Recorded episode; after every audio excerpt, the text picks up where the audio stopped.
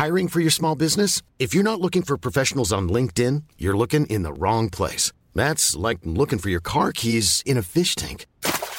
LinkedIn helps you hire professionals you can't find anywhere else, even those who aren't actively searching for a new job but might be open to the perfect role. In a given month, over 70% of LinkedIn users don't even visit other leading job sites. So start looking in the right place. With LinkedIn, you can hire professionals like a professional. Post your free job on linkedin.com slash people today.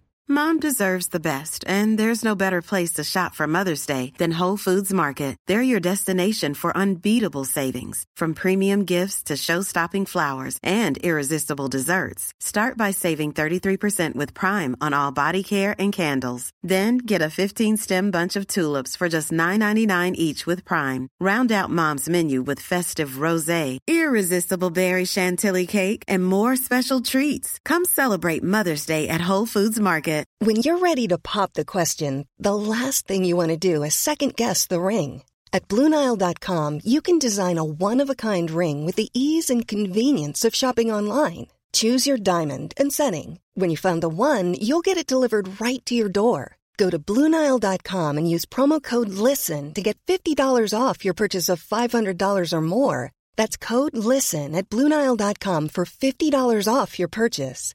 Bluenile.com code LISTEN.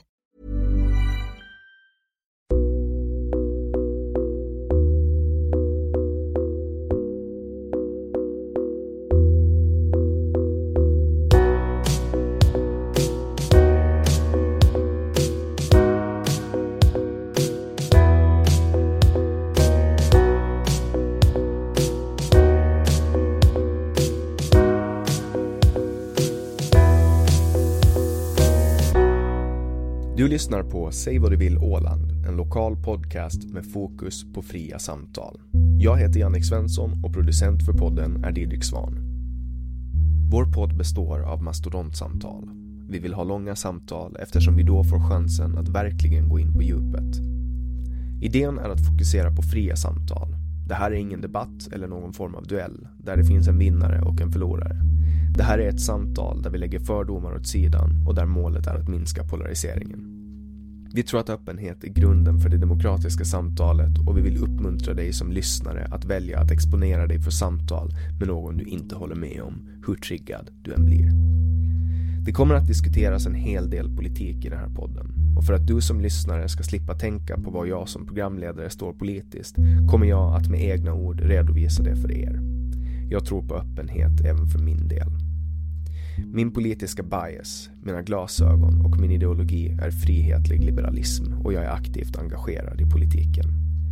Jag kommer att göra mitt bästa för att min partiskhet inte ska lysa igenom mitt uppdrag som programledare i den här podden.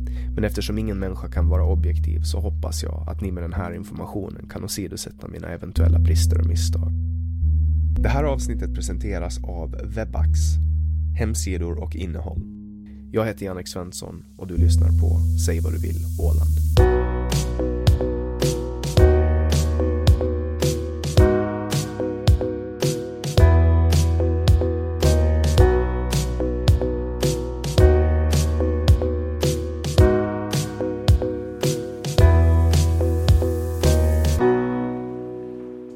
Virta är högstadielärare i Kyrkby, sportchef för Åland United och ivrig Facebook-debattör. Han är uppvuxen i Sibbo men flyttade till Åland 1996 för att spela en säsong med IFK Mariehamn. Därefter bestämde han sig för att stanna. Välkommen hit Mikael. Tack så mycket, tack så mycket. Vad var det som fick dig att, att stanna på Åland? Då? Mm. Ja, no, det var väl eh, många bäckar små om man säger så här att egentligen så var, så var tanken som, som du sa att komma hit och vara här en säsong på samma gång som min dåvarande fru var mammaledig. Och sen till hösten så märkte jag att jag hade fått ett jobb på Kyrkby högstadieskola och det där och det skulle bli en säsong till och sen efter den säsongen så hade vi väl inte hade vi väl riktigt skaffat hus då ännu men vi hade ett annat barn på gång och det liksom det ena det ena födde det andra och sen, sen blev vi här och nu har jag, har jag eh, fem barn och de allihop är så att säga hemma från Åland så att det var så det gick. Just det. Och då var du alltså professionell fotbollsspelare en gång No, professionell är väl att ta i om vi tar på den, liksom, eh, på den tiden var det väl inte på det sättet så professionellt. Jag menar IFK var i division 2, jag hade spelat faktiskt i division 1 före det och så vidare. Men att det var, det är klart att det fanns i huvudet, man tyckte ju själv att man var rätt professionell men nu var det ju så att vi, vi, jobb, vi jobbade ju allihop och det var inte liksom, inte fick man pengar för det och ingenting. Men det var, det var den nivån det var men, men ja, man hade, man hade ju sina tankar. Var det lika kreddigt då? Hur menar du? Alltså var det lika kreddigt att spela i IFK Mariehamn då som det är idag? Det är svårt att säga. Alltså, knappast alltså. Jag menar nu så det, är ju nog, det var ju nog en helt annan grej då såklart. Det var två. Men det var å andra sidan, det var Ålands första lag. Jag kommer själv ihåg när man kom hit. Det var första gången någonsin jag var med om några tidningsintervjuer och sånt här. Jag hade ju ändå spelat, trots att jag hade spelat i Helsingfors liksom i division 1 som då, ja det är ju inte kanske så fruktansvärt eh, bra det heller. Men det var, jag spelade i Helsingfors femma räknar jag med. Steg på flygfältet i Mariehamn och där var två tidningar emot och tog bilder. Jag undrar vad i helskotta är det här frågan om. Men då kom jag liksom till Ålands etta så att nu var det ju en annan värld liksom på det sättet om du sa credit så det var ju jämfört med jämfört med att spela i harva på i Helsingfors i de där lagen så var det klart att det var en helt annan sak här. Sen, eh, men som sagt så inte, vi, vi kan nog inte jämföra det med eller det är klart man kan jämföra det men det var det långt, långt ifrån samma sak som det är idag. Att klubben och laget och de här spelarna har nog gått långa, långa steg framåt än hur det var då. Och nu jobbar du fortfarande med fotboll. Du är sportchef i Åland United. Vad innebär det? Mm, ja, det är många som frågar vad det innebär. Jag brukar säga att sportchef är ungefär som... Uh, det är ett annat ord för städare ungefär. Eller egentligen inte. Alltså jag är väl, så att säga, jag, jag den här, en form av tjänsteman så att säga som hjälper som, mellan laget och styrelsen. Så jag är den folk skyller på om det går dåligt och den som hyllar tränaren när det går bra ungefär. Det, att det, är en slags, vad ska vi säga, ganska långt en slags allt i allo som sköter ganska många uppgifter. Meningen är väl att jag ska vara så att säga ansvarig och hjälpa, hjälpa tränaren och hjälpa laget så mycket det går då att försöka uppfylla styrelsens mål och så vidare. Så allt från att koordinera med resor och boende till mm. Ja, no, lite så. Till all lycka så är vi, alltså vi är ju en liten, vi är en på det sättet väldigt liten och familjär klubb så styrelsen är ju med på, på de mesta, mesta sakerna själva och, och vi liksom alla, alla hjälps väl åt som de kan men att det är väl det, jag har väl fått en del erfarenhet under årens lopp och det är ganska, så att säga ganska mycket. Jag är en slags, jag brukar säga att om inte någon, om ni inte vet vem som ska göra någonting så, så tar det liksom via mig och så fixar jag att någon, att någon gör det. Sen har jag väl kontakter då också utåt både med alla andra klubbar och med Finlands bollförbund och så vidare så att jag det om vi säger så, jag har ju egentligen ingen arbetstid till det. Det är ju liksom min andra, eh, jag är ju heltidslärare egentligen och så, så att det här är ju det är raster och nätter och eftermiddagar och så vidare som så att säga går, går till det här. Men och nu har du sommarlov? Nu, ja, nu som lärare, nu är det ingen action i skolan så att det där just nu så har det blivit är det, är det så att man borde väl egentligen kunna försöka göra det här på heltid men att det är ju, det är ju sen en annan grej att det, när det inte finns någon utsatt arbetstid för det så blir det mera så att man försöker jag, jag brukar säga att jag är tio minuter sen hela tiden överallt. Men ja, sportchefen, det är ju en, en titel. Jag menar lite motsvarande. Han är väl Mattsson i IFK, är väl klubbdirektör så det är väl, han har ett kontor och hel, jobbar på heltid. Men ganska långt samma grejer som Mattsson gör så gör jag i, i Åland United. Eller vissa delar av de sakerna som han gör så är meningen att jag ska göra. Det är ju såklart mycket mindre alltihopa men, men ja, typ. Och, och så jobbar du som, som lärare då mm. i högstadiet. Hur, hur hamnade du där? Ja, no, det var ju... Egentligen var jag ju, jag har ju, jag brukar säga att det är för att jag inte kan någonting. Men det där, det var ganska naturligt egentligen. Jag studerade för många år sedan studerade jag historia vid Helsingfors universitet. Och sen då så fastlänning jag är så fick jag lov till att göra min värnplikt. Och när jag kom från militären så jobbade jag en vecka på en gurkodling och konstaterade att jag, det skulle vara roligt om det skulle finnas något annat jobb och så såg jag att det här var väl, tror jag, tre dagar före skolorna började så var där en högstadieskola i Helsingfors som sökte en lärare i historia och religion och samhällslära och så tänkte jag att men det där söker jag. Och de var väl tillräckligt desperata för jag fick ju jobbet. Och det där och då blev det ju sen då att jobba, eh, studera på samma gång och, och därför var det ganska naturligt sen då när när den här Ålandsvarianten kom, det var ju så att min dåvarande fru alltså eh, födde, födde barn och, och hon ville gärna vara på Åland över sommaren och ja, då hade jag väl själv konstaterat att Manchester United knappast kommer att köpa mig så, så att det där man skulle komma med. Och sen då när det gick så pass bra som jag tyckte att det gick här ändå, det var passligt, så passade jag på att söka ett hissalärarjobb här också. Och så fick jag det och det har jag kvar. Och där har du jobbat sedan 1996? Oh. Du har otroligt många relationer till personer på Åland med andra ord. Det är ju lite så faktiskt och det där det är ju ja, faktiskt det är väldigt, väldigt många. De är ju, jag menar de här som var då 96 så de är ju, kommer väl tillbaka som föräldrar nu då ungefär. Mm. Jag tror faktiskt jag har en sån nu på kommande till hösten. när, du, när du säger. och, och så vidare. Och det har väl, ja, det, det är mycket, jo, jo, nej, det är jättemycket mycket sånt som hon har. Ett år var jag faktiskt borta, jag måste ju säga här nu i uh, politiska korrekthetens namn, att jag var faktiskt uh, också föräldraledig ett år här med min son när han var liten. Det var då jag började jobba på Ålands fotbollförbund. Men i alla fall, meningen var att jag skulle vara hemma. Hur, hur är du som lärare? Är du, är du en eh, jobbig lärare som är sträng och ger kvarsittningar och sånt? Oj! det där borde man kanske fråga andra. Nej men alltså jag vet... Uh, jag tror väl att jag är väl någon, uh, jag, är ganska, jag är ganska personlig. Jag, har, jag, liksom, det, jag gör nog ganska långt min egen grej. Det här är väl andra, andra egentligen som borde säga hur det, här, hur det här ska göras. Men jag har väl, nu är det ju så att man, under årens lopp så förändras man ju. Att jag skulle gå tillbaka till 91, 92 när jag började i Helsingfors eller sen 96 nu när jag börjar här. Så det är ju nog helt annat det jag, det jag sysslar med nu. Och det där eh, så att det är kanske mera så att det är mera på innehållet man satsar nu. Eller, eller ska vi säga så här, högstadiet, man kan fundera att att, att eh, liksom eh, att jobba, att, jobba i, att jobba i högstadiet, varför har man inte gått, varför har jag inte liksom sökt vidare och gått, eh, börjat undervisa på Lycée och så vidare. Och jag tror att högstadiet passar mig alldeles perfekt för det är liksom, det är att slänga käft. Det är att skapa relationer, det är att slänga käft och det är att liksom typ vinna alla matcher. Mm som man ändå inte kan vinna. Och det är väl, det är väl ungefär det som är, som är grejen. Det var faktiskt en, en före detta elev som jag träffade här på på Maxinge, jag hade min lillflicka, ettåring, hon lekte där i rutschkanan, så var där en gammal elev som vi kom fram till att måste ha gått där ungefär de första åren.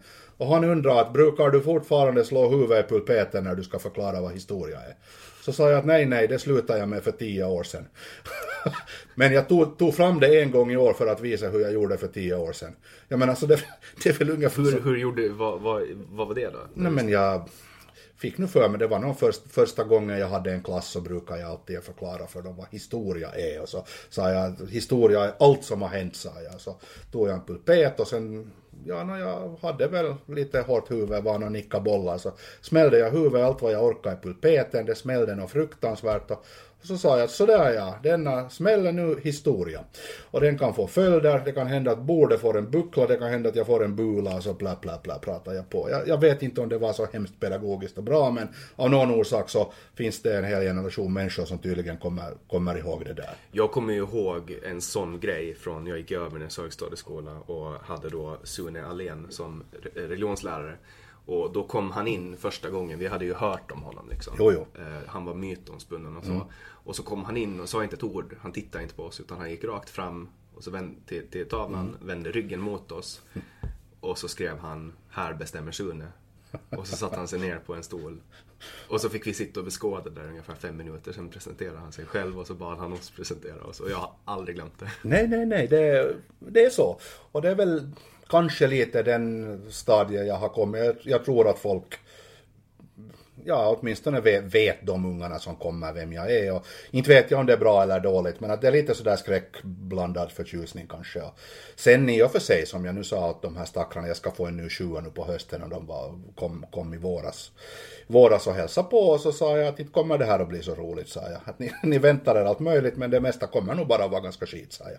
Och det, där, och det i sin tur så tror jag att de också uppskattar och så, så mal vi liksom på att nu är det ju klart att det är själva innehållet och själva det där som har huvudsak, men det, jag vet inte, det, det passar mig att stå och gläfsa med tonåringar helt enkelt. Jag, jag trivs väldigt, väldigt bra med det och trots att det är ju klart att vissa dagar är roligare än de andra. Och det kan ju ibland förstås så är det ju riktigt, riktigt allvarliga saker som man behöver ta i och så vidare. Men att ja, jag har svårt att tänka mig egentligen göra någonting annat. Det skulle vara fotbollen då om, om det skulle gå att försörja sig ordentligt, försörja sin familj ordentligt med det. Men inte vet jag sen, man skulle, Jag fick, man, man skulle sakna det. Nu fick jag en impuls att dra ett opassande skämt här. Jo, varsågod. Jag gillar sådana. Ja, det är många som inte gör det och, Okej. och det är en ganska hemsk sak att skämta om. Men, men jag tänkte fråga dig, jag läste, var det det jag läste om i tidningen? Om en, en högstadielärare som har sålt droger till sina elever? Jo, uh, om mig? Nej, nej, nej, nej, nej, för han, du, du, du läste, ja nu hängde jag med. Ja, nej, men det var väl inte så hemskt opassande för det, men, men därmed kan jag informera att jag jobbar fortfarande kvar. Alltså är det inte jag. Eftersom Och det var det jag förstod. Det Ja, jag precis. jo, jo, jo, jo, så du tänkte det ja. Ja, nej, men det var ju som en gång som som det där, eh, ett annat opassande var, det var en människa som hade, jag, jag hade för några år sedan lite svårt, lite tuffa, tuffa år, det var mellan mina två äktenskap och då var jag sen i kontakt med faktiskt hon som blev min nuvarande fru och, och så messade jag henne på natten att jag skulle, att nu, nu är det, det, är- det är jätte, en jättetokig grej att, att kan vi prata imorgon. Och så läser hon i, tid, i tidningen att fotbollstränare kör till fyllan till skogs. Och då tänkte hon direkt att det måste ju vara jag. Men det var inte jag, det var en helt annan grej. Så det, man gör ju sådana här... Och jag, jag, tror, jag trodde ju absolut inte att det var du i och med att jag visste att Men jag, jag tänkte öppna upp för den här diskussionen på ett, eh, på ett lättsamt sätt. Men sen, Mm. Precis. sen förstod inte du mitt skämt direkt. Nej, och, det och det, en var, det var sättet som jag levererade på. Absolut, och det var ett genialiskt sätt. Jag älskar det där själv. Jag tycker om att både, i, framförallt i skolan faktiskt, att dra vitsar och när en eller två förstår dem.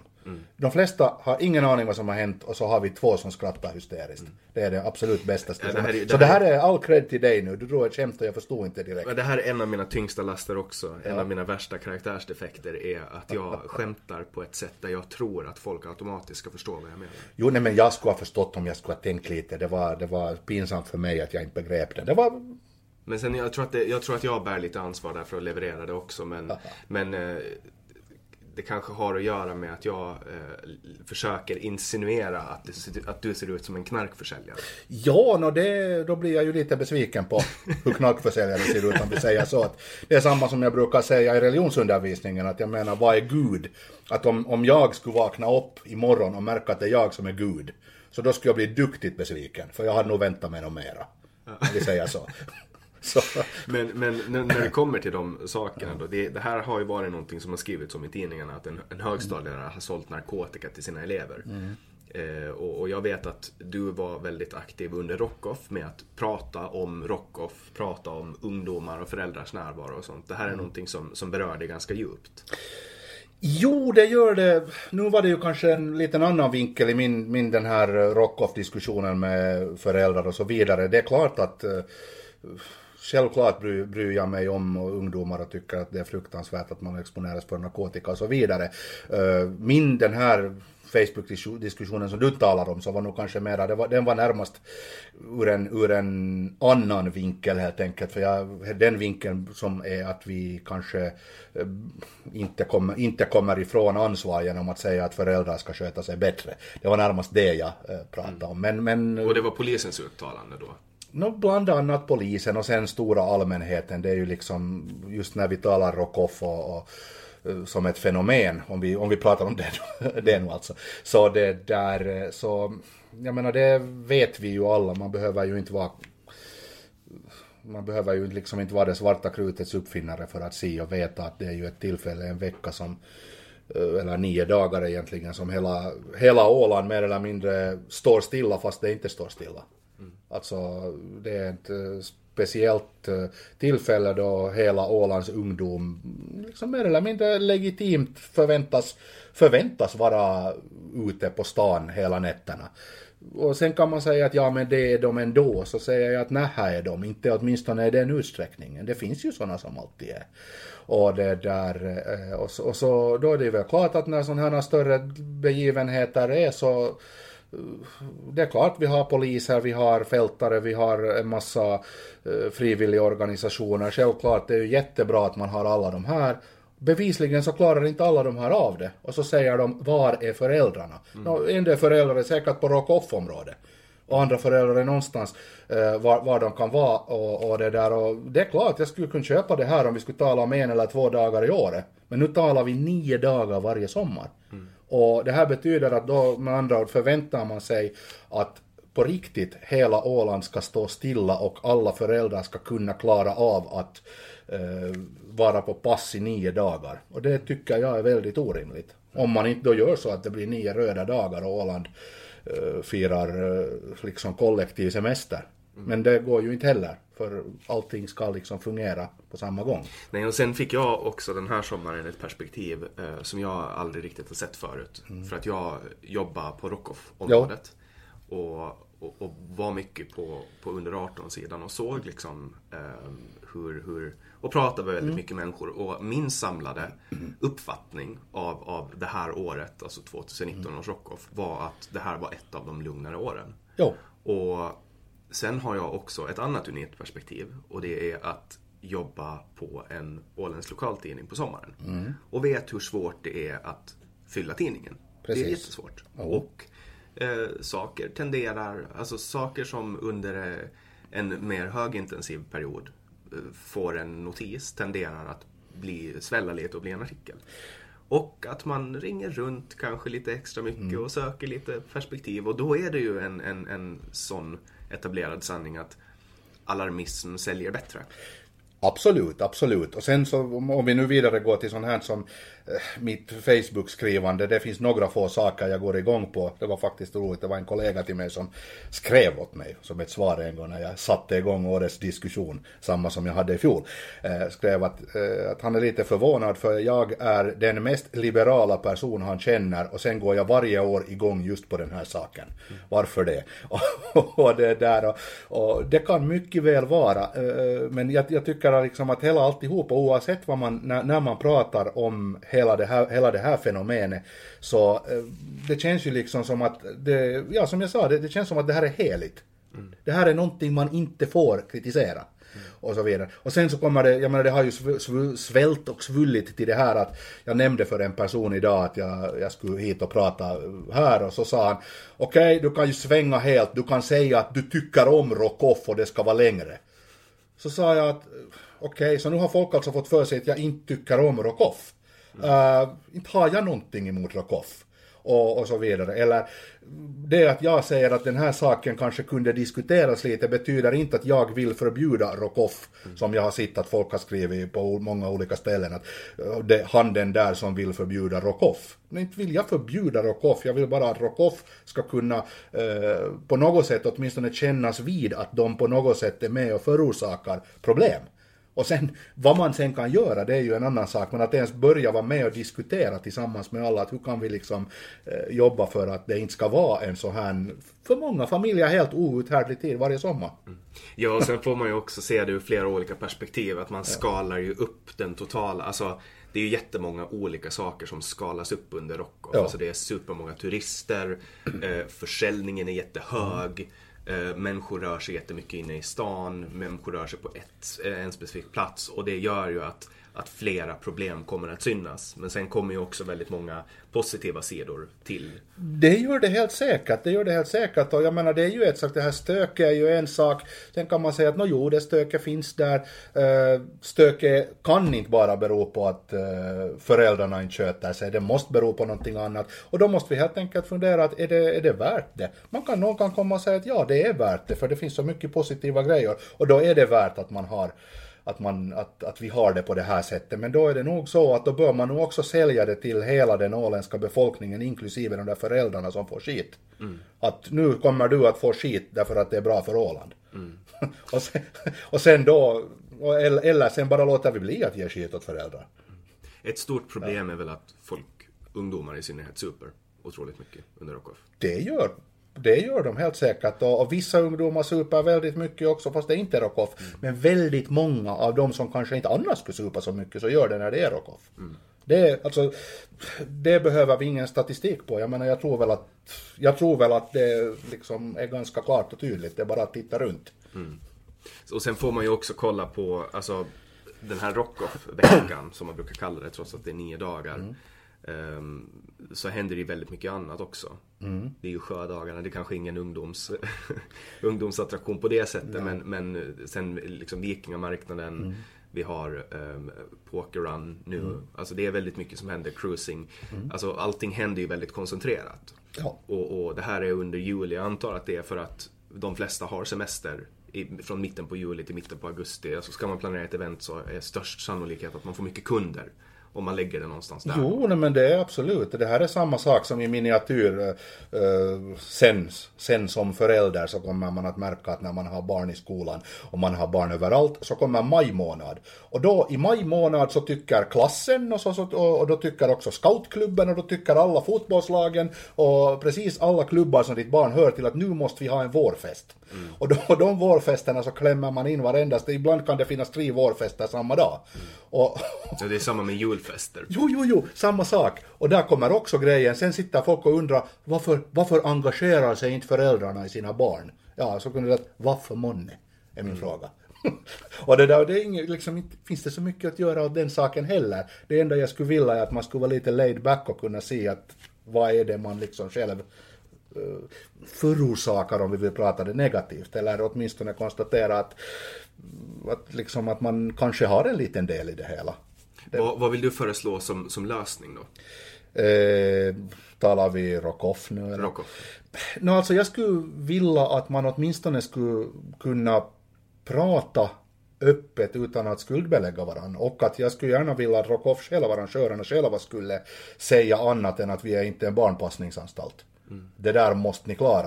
Eh, sen kan man säkert komma med bra idéer. Jag hade ju själv en egen idé som bara slängdes in i början av en av de här diskussionerna för att ha någonting att komma med. Mitt förslag då var att, att man helt enkelt inte skulle sälja festivalpass åt under 18-åringar. Att under 18-åringar får sen då köpa eh, endagsbiljetter och, och det slogs ju direkt ner för så kan det ju inte vara. Jag, att det blir ju för dyrt. Så att, men inte har jag sagt någonting om pris.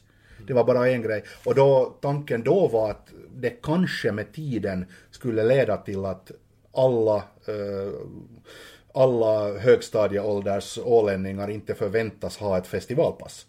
För nu är det väl mer eller mindre så att man är konstig om man inte har ett festivalpass.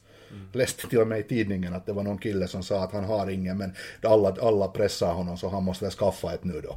Och så vidare. Och har man ett festivalpass så betyder det att då har man ju en legitim orsak att alltid vara där.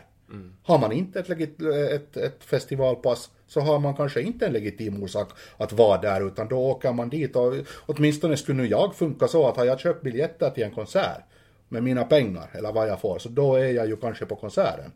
Och Fast, man, kanske, fast man kanske inte ens vill. Nej. Så vill man få ut pengar. för Ja, det blir ju så. Då kanske det, jag menar jag tänkte bara att då, knappast är det här en universal lösning, men det var åtminstone tänkt som en sån här diskussionsöppnare. Det var nog ett förslag.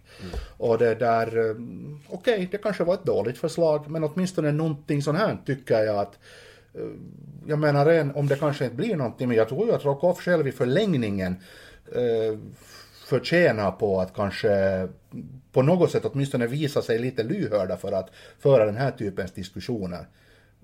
Trots allt så kanske man rent av kan just de här föräldrarna som nu säkert en hel del Åtminstone, åtminstone vet jag några föräldrar som är väldigt irriterade över att få, över att få sån här skit kastad på sig oavsett om man är skyldig eller inte. Men kanske man kunde få liksom lite med dem. Kanske man får lite nya kunder där till och med. Och eller åtminstone någon form av goodwill visa att hej vi vill vara med och hjälpa Nu har, till. jag, nu har jag ett så unikt perspektiv eh, i det här i och med att jag som sagt jobbar då som, som ordningsvakt under Rockoff. Och det, den insyn jag fick, jag, jag hade ju ingen aning om hur det var organiserat innan. Men det jag inte visste var att eh, Rockoff har ansvar för närområdet. Jo. Och det visste inte jag om. Så att vi hade alltså då säkerhetsvakter, eller ordningsvakter, som patrullerar till exempel Stadshusbacken. Och det är ju där ungdomssupandet sker. Absolut, jag har också varit med. Det var en sommar faktiskt för typ nio år sedan var jag var. Min äldsta dotter eh, simmade i lokala simklubben och, och jag eh, tog anställning som ordningsvakt på Rockoff då för att vi tjänade pengar till dotterns simklubb. Och det blev ju så, man skulle göra någon kväll men det var en sån sommar att det blev så att jag tror att jag var där, jag tror att jag var alla, en eller två kvällar som jag inte var där. Uh, så då var jag också där, uh, många andra år har jag gjort sådana endagsgig och så vidare. Och blivit skickad efteråt upp i Stadshusbacken där jag står med en, en gul eh, sån här, vad heter gul reflexväst och där omkring springer, som du sa, jag har ganska stora, ehm, ett stort nätverk med bekanta. Och där springer bekanta ungar, bekanta från fotboll, bekanta från skolan, springer omkring stupfulla i backen. Och jag står med en reflexväst med en eh, övervakande annan kille med orange väst som säger strängt åt mig att du får sen inte göra någonting. För att du representerar Rockoff.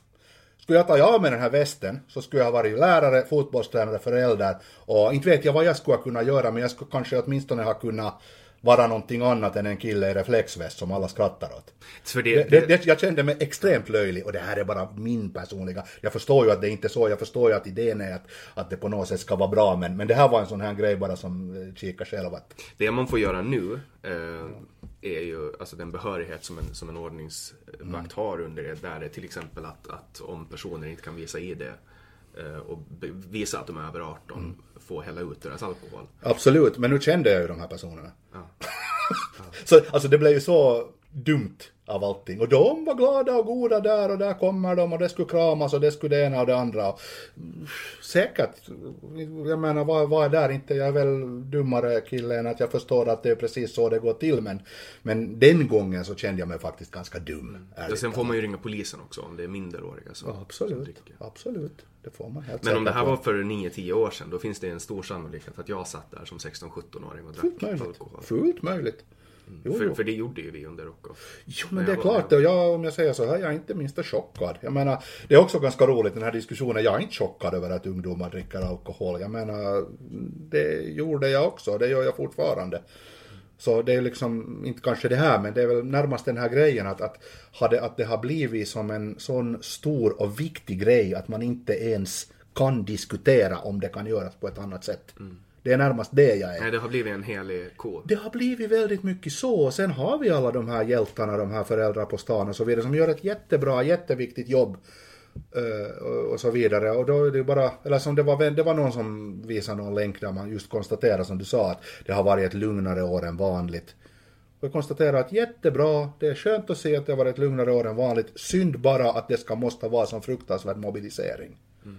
Men sen kan vi ju säga samma sak, alltså vi hade eh, för två somrar sen så spelades här herrarnas Champions League-kval här, här på Åland också. Legia Warszawa kom hit och det var ju ett fruktansvärt pådrag då också med poliser och insatser från alla möjliga håll. Och då kan man också fråga att då var det väldigt mycket, måste man ha sånt här? Mm. Och, no, där kommer jag in och säger att ja, eh, det är fotboll så det är viktigt så det måste vi ha. Och då kan vi säga så här, är rock-off så viktigt så då måste vi ha det så här.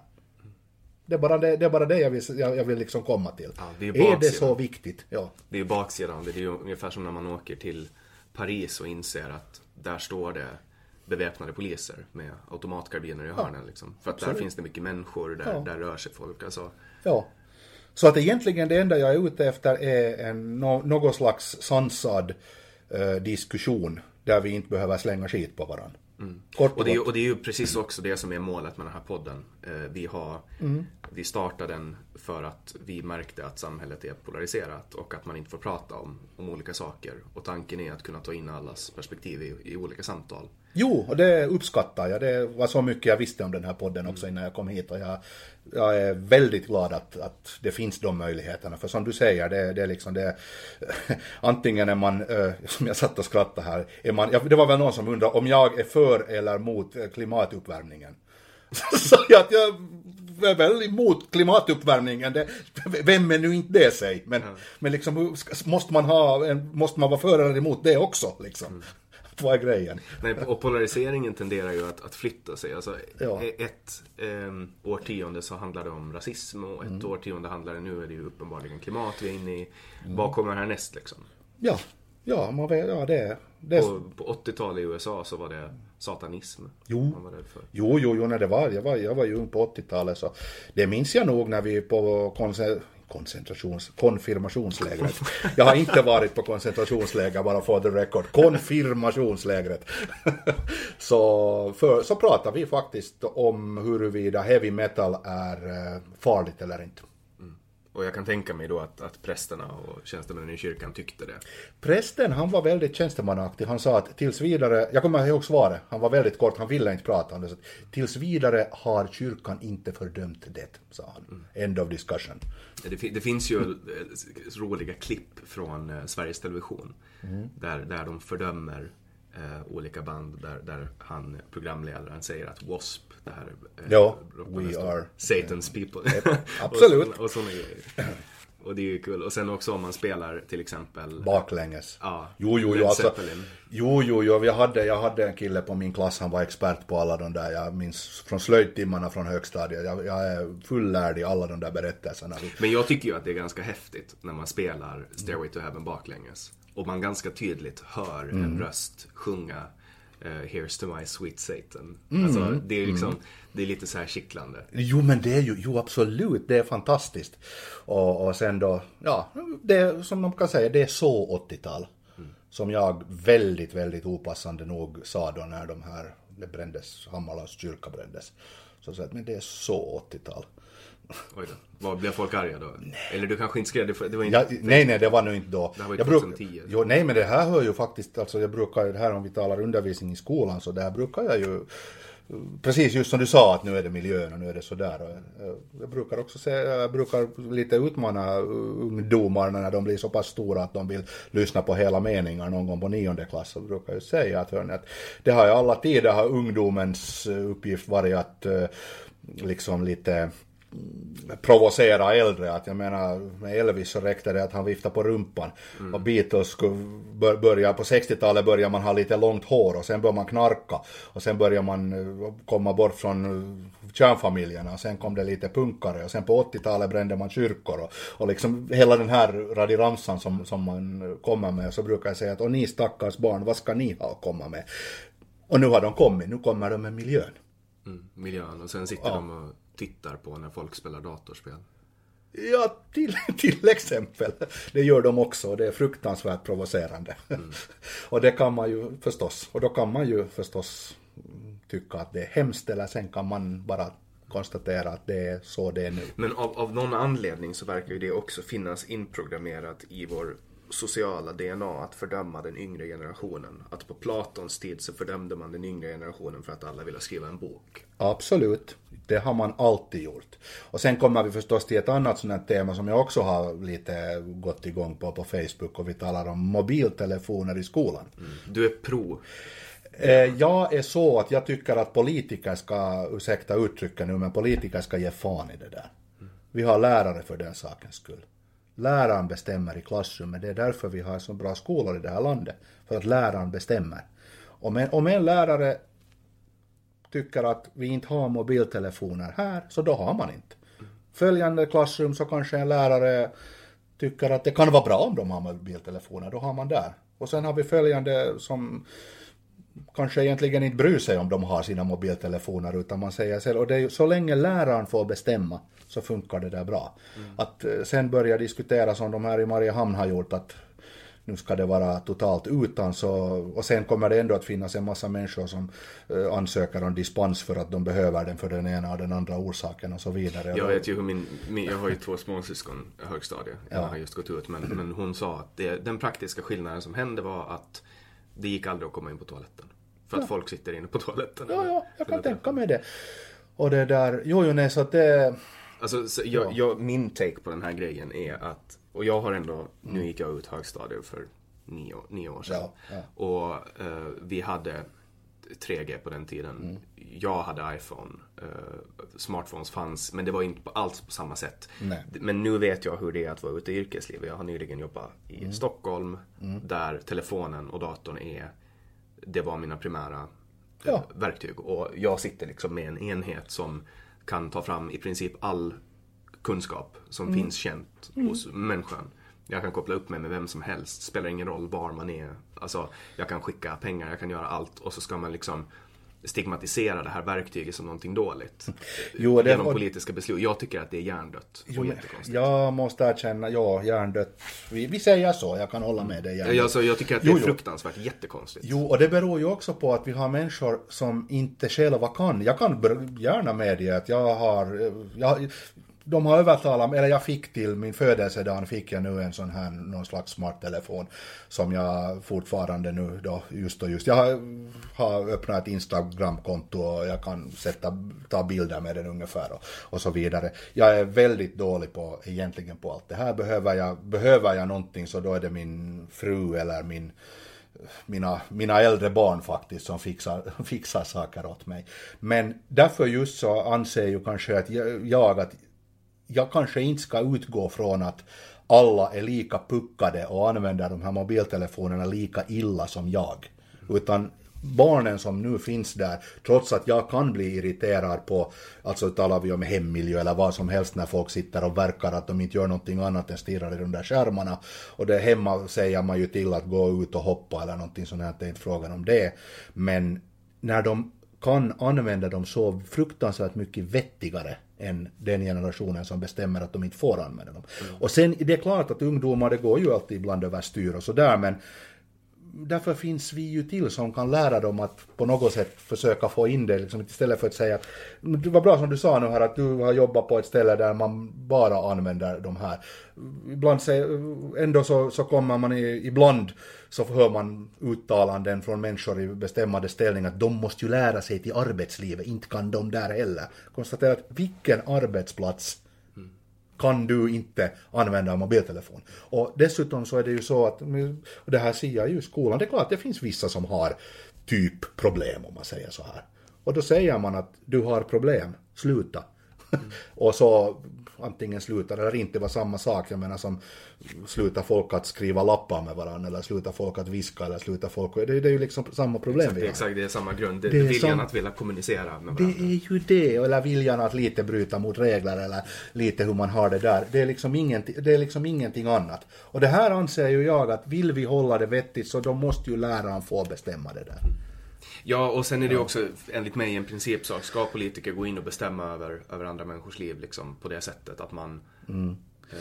Ja, nej, alltså, ja, ja och nej. Alltså i det här fallet så, nu, nu begränsar kan ju kanske lite hemmablind, att nu tänker jag ju på, på skolan, att politiker ska väl sätta någon former av ramar på skolan, men de ramarna som gör att vår skola är så bra är att lärarna de facto kan den här typen av saker. De här sakerna kan lärarna hålla koll på. Och nu svävar vi ju lite in, eller jag vill styra ämnet lite in på den här. För anledningen att jag drog det här opassande skämtet tidigare var för att gå, komma in på det. Är det här någonting nytt? För att nu har det ju uppdagats eh, att en, en högstadielärare har sålt narkotika till skolelever. Och vad tänker du som lärare när du läser det här i tidningen? Uh, Nå, jag kände ju till det före det kom i tidningen om vi säger så. Okej, det visste Och du. ja, eller jag visste, eller officiellt sett visste jag det inte, men jag visste det för att jag visste det. om vi säger så här. Och det där, eh, det var nog ingenting som jag hade väntat. Det är nog ingenting jag har hört om, och ing, eller liksom hört om och förväntat mig att så här kommer det, att det, det här kommer att ske, det liksom långt ifrån någonting som är, som är vanligt. Och nu blir det ju förstås, det är ju en utmaning såklart här hur vi, hur vi sätter igång nästa läsår. För vi vill ju såklart, jag menar det är ju klart att vi vill säga, fortfarande vill jag säga att till, okej, elever framför allt också, men elevers föräldrar ska ju vara trygga att låta sina barn gå i vår skola. Och så vidare. Sen å andra sidan så finns vi mitt i världen och vi gör, vi gör vårt bästa, saker och ting händer, saker och ting händer mellan elever också. Vi gör allt vi kan för att försöka förhindra det. Och Du får säga till om du inte vill diskutera. Nej, jag vet I och med inte, att du är alltså min- biased i det. Jo, men jag, min- visste in, nämligen att, jag visste inte om att du kände till det här Eh, på ett personligt plan. Nå, kände till alltså för att jag har, jag har hört om det och jag har hört om det inofficiella vägar, jag har hört om det av människor som går i den skolan, jag har hört av föräldrar. Okej, det här har alltså inte skett på din skola då? Ja, det behöver vi kanske inte berätta nu då. Nej, du, får, du får välja dina ord själv. Ja, liksom. ja Så precis det. Jonas, att jag, jag har ju hört det här så ska vi säga andra vägar än officiella vägen. Så att eh, sen när rubriken kom så konstaterar jag bara att jaha, att nu har det kommit i tidningen då. Just det. För vad, alltså, vad tänker du som lärare när du får, får höra om den här saken? För det här är ju liksom Det här är ju väldigt många förstår ju inte hur kan det här hända?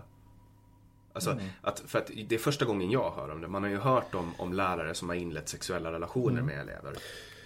Jo, eh, vad ska jag säga? Alltså jag, jag skulle vilja säga att jag är chockad och fruktansvärt kränkt och ledsen och allt möjligt sånt. här. Ja, det är jag ju förstås. Absolut. Jag, jag tycker ju att sånt här ska ju absolut inte få hända. Ändå, som du sa, det har funnits både lärare och elever som har haft alla möjliga kringelikrokar med varann, kanske till och med ännu mera förr i tiden än idag. Och ja, det är väl en tid, för det finns, kanske det finns mycket mera där som man sen inte då vet om helt enkelt. Men eh, vi är ju, vi är ju alla människor och det finns ju av oss alla helt enkelt på olika sätt. Så om vi säger så här så det är klart att jag, det är klart att jag är ledsen att det här hände. Uh, inte är jag ju chockad eller väldigt förvånad förstås för det är ju ingenting som man hade tänkt sig att skulle hända men, men att det där, det, varför nu inte här när det händer allt möjligt annat också. Så jag kan, inte kan jag säga att jag liksom är eh, annat än att jag tycker att det att själv, självklart ska det inte få hända och det är väl väldigt bra om man kan på något sätt förhindra att det händer i framtiden. Och det är ju väldigt svårt att, att förhindra sådana saker. Men jag tänker Mm. liksom att allt som sker på en högstadieskola, är, det, det är ju barn. Liksom. Man är Jo, självklart. Det är jo, jo, absolut, absolut. Och, och det där... Och, och no, jag kan väl tala för mig själv och jag kan väl tala för de kollegor jag känner, så att säga. Och jag känner väl Eh, alla mina kollegor förutom de nya som kommer och de börjar jag känna. Så vi, eh, vi, vi, vi jobbar ju så bra vi kan och vi, vi har ju såklart våra, våra egna, eh, vad ska vi säga, värderingar och ingen, ingen av oss vill att någonting sånt här ska hända. Sen vad någon sen sysslar med så, jag menar inte, inte vet jag, det finns, det finns alltid ulvar i fårakläder helt enkelt. Och, och det är ju jätte, jättesynd att det nu då i så fall, eller att det nu då har åtminstone, det är ju fråga om misstankar fortfarande. Ingen, Ja, jag ingen, jag kan ingen, ingen, är ju, ingen är ju dömd överhuvudtaget, men, men som du sa, det står i tidningen och då får vi konstatera att ja, det där Och du har hänt. du har ju tystnadsplikt och allting. Om jag ska, nu blir jag, journalisten i mig vaknar Jag förstår, och jag vill förstår. liksom pumpa dig men det är opassande. Nej, alltså jag har, jo, alltså jag har inga officiella, jag har bara hört, jag har bara hört uh, saker ryktesvägen. Jag har inga officiella, officiell information om det där. Så därmed så, i praktiken säger jag det jag vet officiellt nu. Och, jag men, men att det är ju helt klart att alla skolor måste ju ta på något sätt ställning och komma med någonting nu om nästa vecka när vi börjar. Helt enkelt. Att vad vi, vi måste ju ha någon, någon slags uttalande i alla fall i frågan. Just det. Och det här är ju liksom ehm, Alltså när det kommer till, till frågor om, om barn och högstadie så finns det ju alltid lika många åsikter som det finns föräldrar. Alltså du vet folk pratar illa om lärare, folk pratar illa om skolämnen. Ska man ha läxor? Ska man inte ha läxor? Hela den biten. Men vad tycker du om, om det här med läxor på Bör man ha läxor eller bör man inte ha läxor? Jag kommer igen tillbaks till, det är väl läraren som bestämmer. Läraren är ansvarig för pedagogiken och läraren förväntas eh, vara den som, som bäst klarar av att eh, helt enkelt välja undervisningssätt. Och sen, kan, sen ingår det också att individualisera. Alla måste kanske inte ha samma läxor och så vidare. Så att om, om en lärare är väldigt bra och klarar, klarar av att undervisa eh, eleverna så de uppnår, nu för att nu använda det rikssvenska ordet, kunskapsmålen. Men i alla fall, om eleverna klarar det och de inte har läxor, fine. Jag är inte så bra. Mina, mina elever har nog läxor. Sen är det upp till dem att göra dem eller inte. Men jag, jag, gör ju, jag gör ju hela undervisningen utgående från att de har gjort läxorna. Ändå medveten om att det finns sådana som inte har gjort det. För det här, det här har ju diskuterats från och till genom åren eh, om, om det är gynnsamt eller om det är missgynnsamt för, för ungdomarna att få med sig läxor hem. Det är det, och det är igen en politikerfråga. Vad tycker du då? Jag, nej men jag tycker som jag sa, precis samma som med mobiltelefoner. Och det, jag, alltså jag är helt sten på den här, i den här frågan. Att vi, vi har lärare och så länge vi litar på att lärarna kan så måste ju lärarna få bestämma det här. Det här är ju en, en, det här med läxor eller inte läxor, det är ju en, det är ju en, en pedagogisk fråga. Alltså det är klart att lärarna kan inte gå in och ändra på lagen. Lä- Lärare kan inte bestämma att mina elever får vara beväpnade med skjutvapen. Det får man ju inte göra såklart, för det är mot Om det lagen. inte är USA. Då. Ja, no, det är en annan fråga förstås. ja, men jag menar här, att, vad som, hur eh, ämnet undervisas, har man liksom, har man läxor, har man inte läxor, får elever ha mobiltelefoner eller inte liksom med sig på sig. Det är detaljfrågor. Det är, det är, ju, det är ju det som läraren är anställd för att kunna känna till. Jag kommer ju ihåg vad som hände med mig när jag fick läxor. I Mm. och med att jag har stora problem med att jag prokrastinerar Mm. eh, så var det här en ångestfaktor för mig. Alltså jag mådde dåligt när jag visste att jag hade läxor. Och Mm. Precis. ofta så kunde den här ångesten bli så kraftig att jag blev helt lamslagen. Mm. Och, och jag vet inte om det kanske har med min eh, psykiskt labila natur att göra snarare än, än allmänt. Men för mig kan jag känna att det var missgynnsamt. Okej, men eh, hur på, ja, nu vet jag inte alltså på, to, togs det här upp? Var dina lärare medvetna om det här? Eh, ja, De var? Men Okej. man valde istället då att, och nu kommer vi in på eh, djupt personliga saker, men man valde istället att eh, skicka mig till ett behandlingshem för, för barn. Eh, Okej. För att jag, här visar ju sig eh, att, att jag var bipolär. Och det, fick, det, dö, det dök upp när jag gick i 8-9 så debuterade Precis. jag i min, i min sjukdom. Och det fanns en, en barnpsykiatriker som konstaterade det här. Men lärarna tillsammans med socialen då i samråd med personal från det här behandlings eller motivationscentret som det kallades valde att skicka dit mig istället. Okej. Och, okej. och det här eskalerade ju ganska snabbt när jag gick i nian. Med, Mm, När jag debuterade i alkohol och tobak och hela den biten. Precis, precis. Så jag har, jag har också väldigt personligt djupa band till de här sakerna. För att jag kan tydligt spåra trauman i mitt liv till det. De Mm. Precis. händelserna och det som, det som skolan gjorde i samråd med socialen. Att istället för att välja ge mig medicinsk behandling eh, och, och eh, stödsamtal så valde man att, att helt bara liksom ta bort mig från hemmet. Ta bort mig från skolan också. Och skicka ut mig. Och, och det satt mig i en, i en rörelse som, som satt djupt trauma i mig. Som jag fortfarande bearbetar än i denna dag. Okej, ja, nej, jag, alltså det är ju djupa saker och det är ju, eh, vad ska jag säga, ledsamt att höra. Jag minns nu faktiskt att jag har läst någonting du har skrivit om det eh, någon gång faktiskt och, och det där och det är ju det är ju tokigt. Jag kan inte, jag, var inte där då, jag kan inte uttala mig, jag, jag vet inte annat men, men det, det här är din upplevelse, den får vi ju såklart respektera och, och, och människor som då var inkopplade är väl säkert bättre att, att kommentera att vad borde man ha gjort och hur borde man ha gjort just i det fallet och så vidare. Men, men jag menar att säga, eh, jag ändå, ändå är jag inte benägen att säga att man inte ska ha, jag menar vissa, egentligen ganska många så mår, mår till och med bra av någon form av, beroende på vad en läxa är helt enkelt. Att där är ju, jag faktiskt, där måste jag säga som egen cred att jag har, att det händer eh, faktiskt ganska ofta numera när man har fått flera och flera bakom att, att eh, människor kommer några år efter att de har gått ut och så får jag faktiskt ibland lite tack för vissa. Och då är det ofta de där hemskaste monsteruppgifterna man har satt dem att göra. Som de säger att tack att det var väldigt bra att man gjorde det, de hatade då, men eh, sen det, den, har, den har liksom hjälpt dem senare saker. Och det är ju bra, det, men, men, som, men just som vi märker och som du säger, så det är ju individuella frågor och det här är ju jättesvåra grejer. Och då är det ju, jag menar, i det här fallet då, när, i ditt fall så, jag undrar om ens en lärare är eh, förmögen att fatta beslut i den frågan. Att det här är ju som du sa, det där är ju, okej du talar om socialen, så det här är ju frågan om vad, vad där läkare inkopplade och, och sånt här. Ja, man Att val- det, det, här är ju, det här är ju en medicinsk fråga helt I enkelt. det här fallet så valde man ju att, att höra olika parter Precis. och de man hörde var bland annat då ett privat eh, behandlingshem. Eh, Okej. Och eh, där är det ju inte svårt att gissa på Nej, vad de kommer att förstås, rekommendera. förstås, ja. Mm. Och sen valde man att lyssna på skolan och eh, sen valde man att lyssna på psykiatrikern som föreslog någonting helt annat. Men man valde då att gå på skolans och socialens linje. Okej, och vem var man?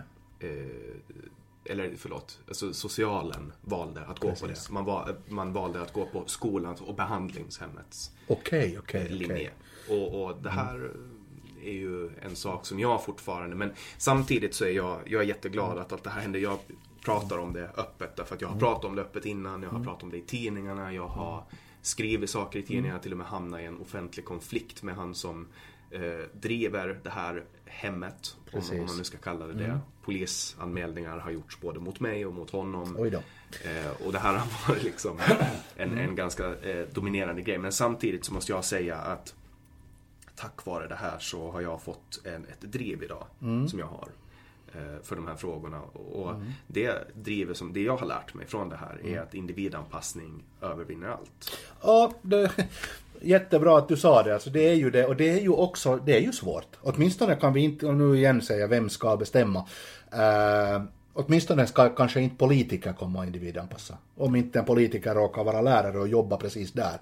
Att, att här är det ju, det är klart, jag menar, det här måste vi också förstå när jag säger att jag är lite sådär pang rakt på när jag säger att läraren bestämmer. Ja, läraren bestämmer i klassen, det är sant. Men om lärarens metoder inte då funkar, så då finns det, och vi har i vår, åtminstone i vår skola, säkerligen i de flesta åländska skolor, så har vi åtminstone mm, höll på att säga åtminstone i teorin, men också i praktiken, vi har system för hur man gör om den så kallade vanliga undervisningen inte biter på någon elev eller att det blir ett fel håll. Och då har vi, vi har möjligheter att liksom, vi kan plocka in, vi har, nu jobbar jag på, har lyckan att jobba på en skola där vi har så bra resurser att vi har, vi har speciallärare, eh, vi har tillgång till kurator, vi har tillgång till eh, psykolog, vi har det här. Och, och liksom vi, vi har också system hur, i vilket skede som följande steg tas in. Och nu säger jag inte att vi alltid såklart fattar rätt beslut. Garanterat fattar vi helt fel beslut också ibland. Men åtminstone har vi ett aktivt försök att försöka, eh, som du sa, individualisera. Och då hoppas vi att det går så rätt som det kan. Och där finns det också andra brännande frågor där jag tycker att individanpassning alltid är bra. Och det är när det kommer till till exempel signalpolitik som att man ska införa en vegetarisk dag i veckan. Det är så här, för mig handlar det om att kollektivisera. Så här, jag tycker absolut, jag har ingenting emot vegetarisk mat. Jag har ätit veganskt under en ganska lång tid.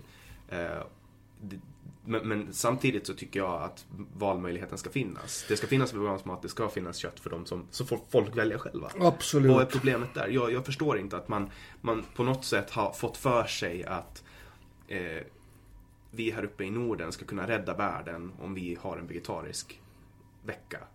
Eller en vegetarisk dag i veckan. Alltså på, för mig känns det bara som att människors frihet bör komma före. Ja, och det är klart att menar, så mycket frihet kan vi, om vi talar skola, vi kan kanske inte komma till så mycket frihet att det varje dag finns en, eh, en buffé där du kan välja precis vad du vill äta, men... Men, Men för har- vegetarianer, för de som har valt den jo, livsstilen. Jo, jo, jo. Uh, jo, men absolut. Jag menar, det, alltså, jo, det är klart att det måste ju finnas. Man måste ju ha möjlighet att... eh, att eh, ja, det var ju nu för några år sedan så kommer jag ihåg att det...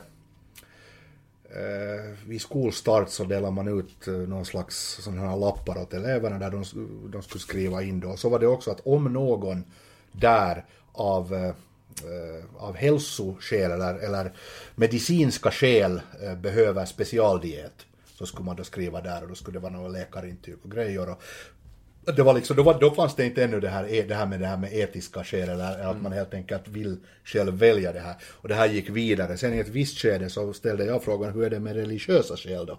Fick svaret iPhone. och så vidare. Eh, Men nu skulle jag säga att där är vi ju nog att det finns nog, åtminstone där jag jobbar så finns det vegetariska alternativ varje dag. Men som du säger, vissa dagar så finns det inga köttalternativ. Och nå, min grej är väl lite den att jag är ju en väldigt aktiv korvätare liksom. Det hör väl lite till min image, jag ska vara lite så här bullrig och grabbig och gubbig och, och, Jag- jag- och, och, och, ha, ha mig sådär. Och visst kan jag jättebra säkert äta vegetariskt också, om inte annat finns det knäckebröd om det inte duger. Men jag kan väl faktiskt lite hålla med. Det, drömmen skulle ju vara att det skulle finnas ve, veganskt, vegetariskt, uh, icke-griskött och griskött varje dag. För, för mig känner jag liksom att, att när det kommer till ehm, när det kommer till kött så, så tycker jag absolut att, att man kan äta eh, närproducerat. Alltså servera närproducerat kött. Jag ser ingen anledning att importera kött, även om det såklart har sina ekonomiska fördelar. Men den, det köttet som, som produceras utomlands och är billigt är ofta producerat på ett sånt sätt att det missgynnar biologisk mångfald, det missgynnar Mm. miljön, det missgynnar allt liksom. Och förutom då de ekonomiska mellanhänder som, som handhar det här köttet. Mm. Och jag, jag tycker absolut att vi ska äta ålens kött. Ja, Eh, det kan just, jag just för att, men, men det är av att det är bättre för kroppen. Att äta gräsbetat kött. För att börjar man ge, alltså Tar man till exempel ett, ett fält, hela det här bordet framför oss är ett fält. Och man tar liksom, man urarmar jorden genom att laga majs. Ta upp majsen från det här för att sen skjutsa iväg det till andra sidan gatan där kycklingar sitter inlåsta.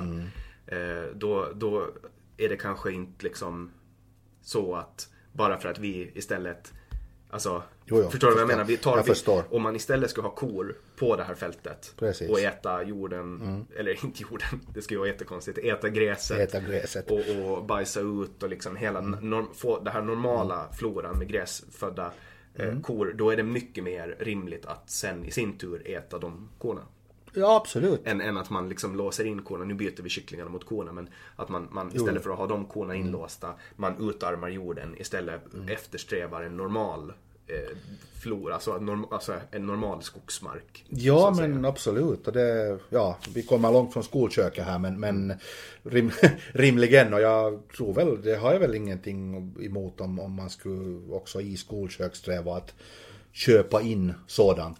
Gräsbetat kött. Det, är Ja. alltså för det, det jag ser eh, när jag läser om, om det här är att det är mycket bättre att äta kött som är eh, som har levt naturligt. Köttet har levt naturligt. Man har liksom inte ätit komprimerad majs som för övrigt inte, djur ska inte äta majs liksom på det Nej, sättet. precis. Eh, Man har liksom inte hållit på, man har inte liksom tvingat dem att bli så stora och feta som möjligt för att sen kunna tjäna pengar på dem.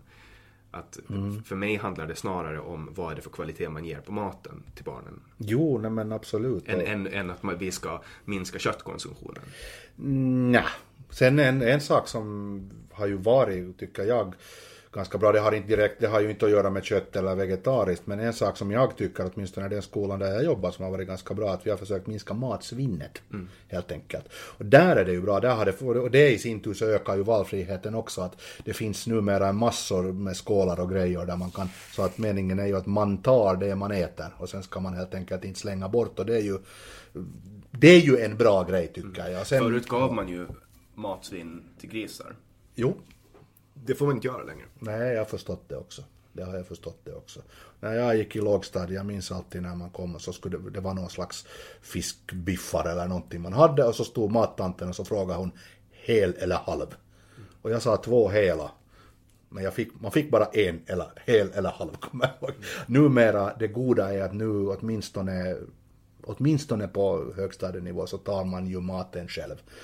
Och det är ju förstås bra. Sen, jag håller helt med om allt du säger om, om, om eh, kossor och beta och äta och, och hela grejen. Och det, det, det är ju sen en annan sak att där vet jag inte om hur mycket nu självaste skolköket kan påverka hur det fungerar. Men det är klart att jag, håller, med, jag håller med om att, att, har man möjlighet att välja sån mat så absolut. Skolköket är ju en, en eh, stor konsument av mat. Mm. Och om skolkökarna bara efterfrågar gräsbetat naturligt kött.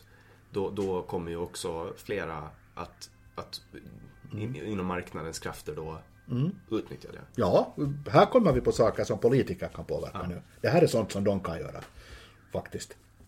Och, så att när vi talar om vad politiker ska bestämma i skolor så denna typ beslut kan man fatta. Jag, jag tycker inte att när det kommer till, sen, sen har jag ju också mina åsikter om när det kommer till kolhydrater. Men du vet när jag gick i, när jag gick i högstadiet så fick vi till mellanmål cornflakes med sylt och mjölk. Vilket är ungefär, alltså man skulle lika gärna kunna gett en bakelse till ungarna. Jo, det är lite hycklande kring det där. Det ska vara väldigt sockerfritt men ibland så ger vi munkar. Så, Men och sen också att man, man, man liksom, det här var så, jag läste faktiskt igår, eh, så fanns det i en matbutik här på Åland så stod det sockerfri bakelse. Jaha. Och under så stod det vad den innehöll. okej. Och då var det Socker. Eh, exakt, socker. Men det var fruktsocker. Ah, okej, Men okej. senast jag kollade så var fruktsocker socker. Jo, jo, jo, jo. Eller sen kan vi ju diskutera det där att, om, att kan en hamburgare vara hamburgare om det inte är kött. Och alla där har vi ju EUs reglementer.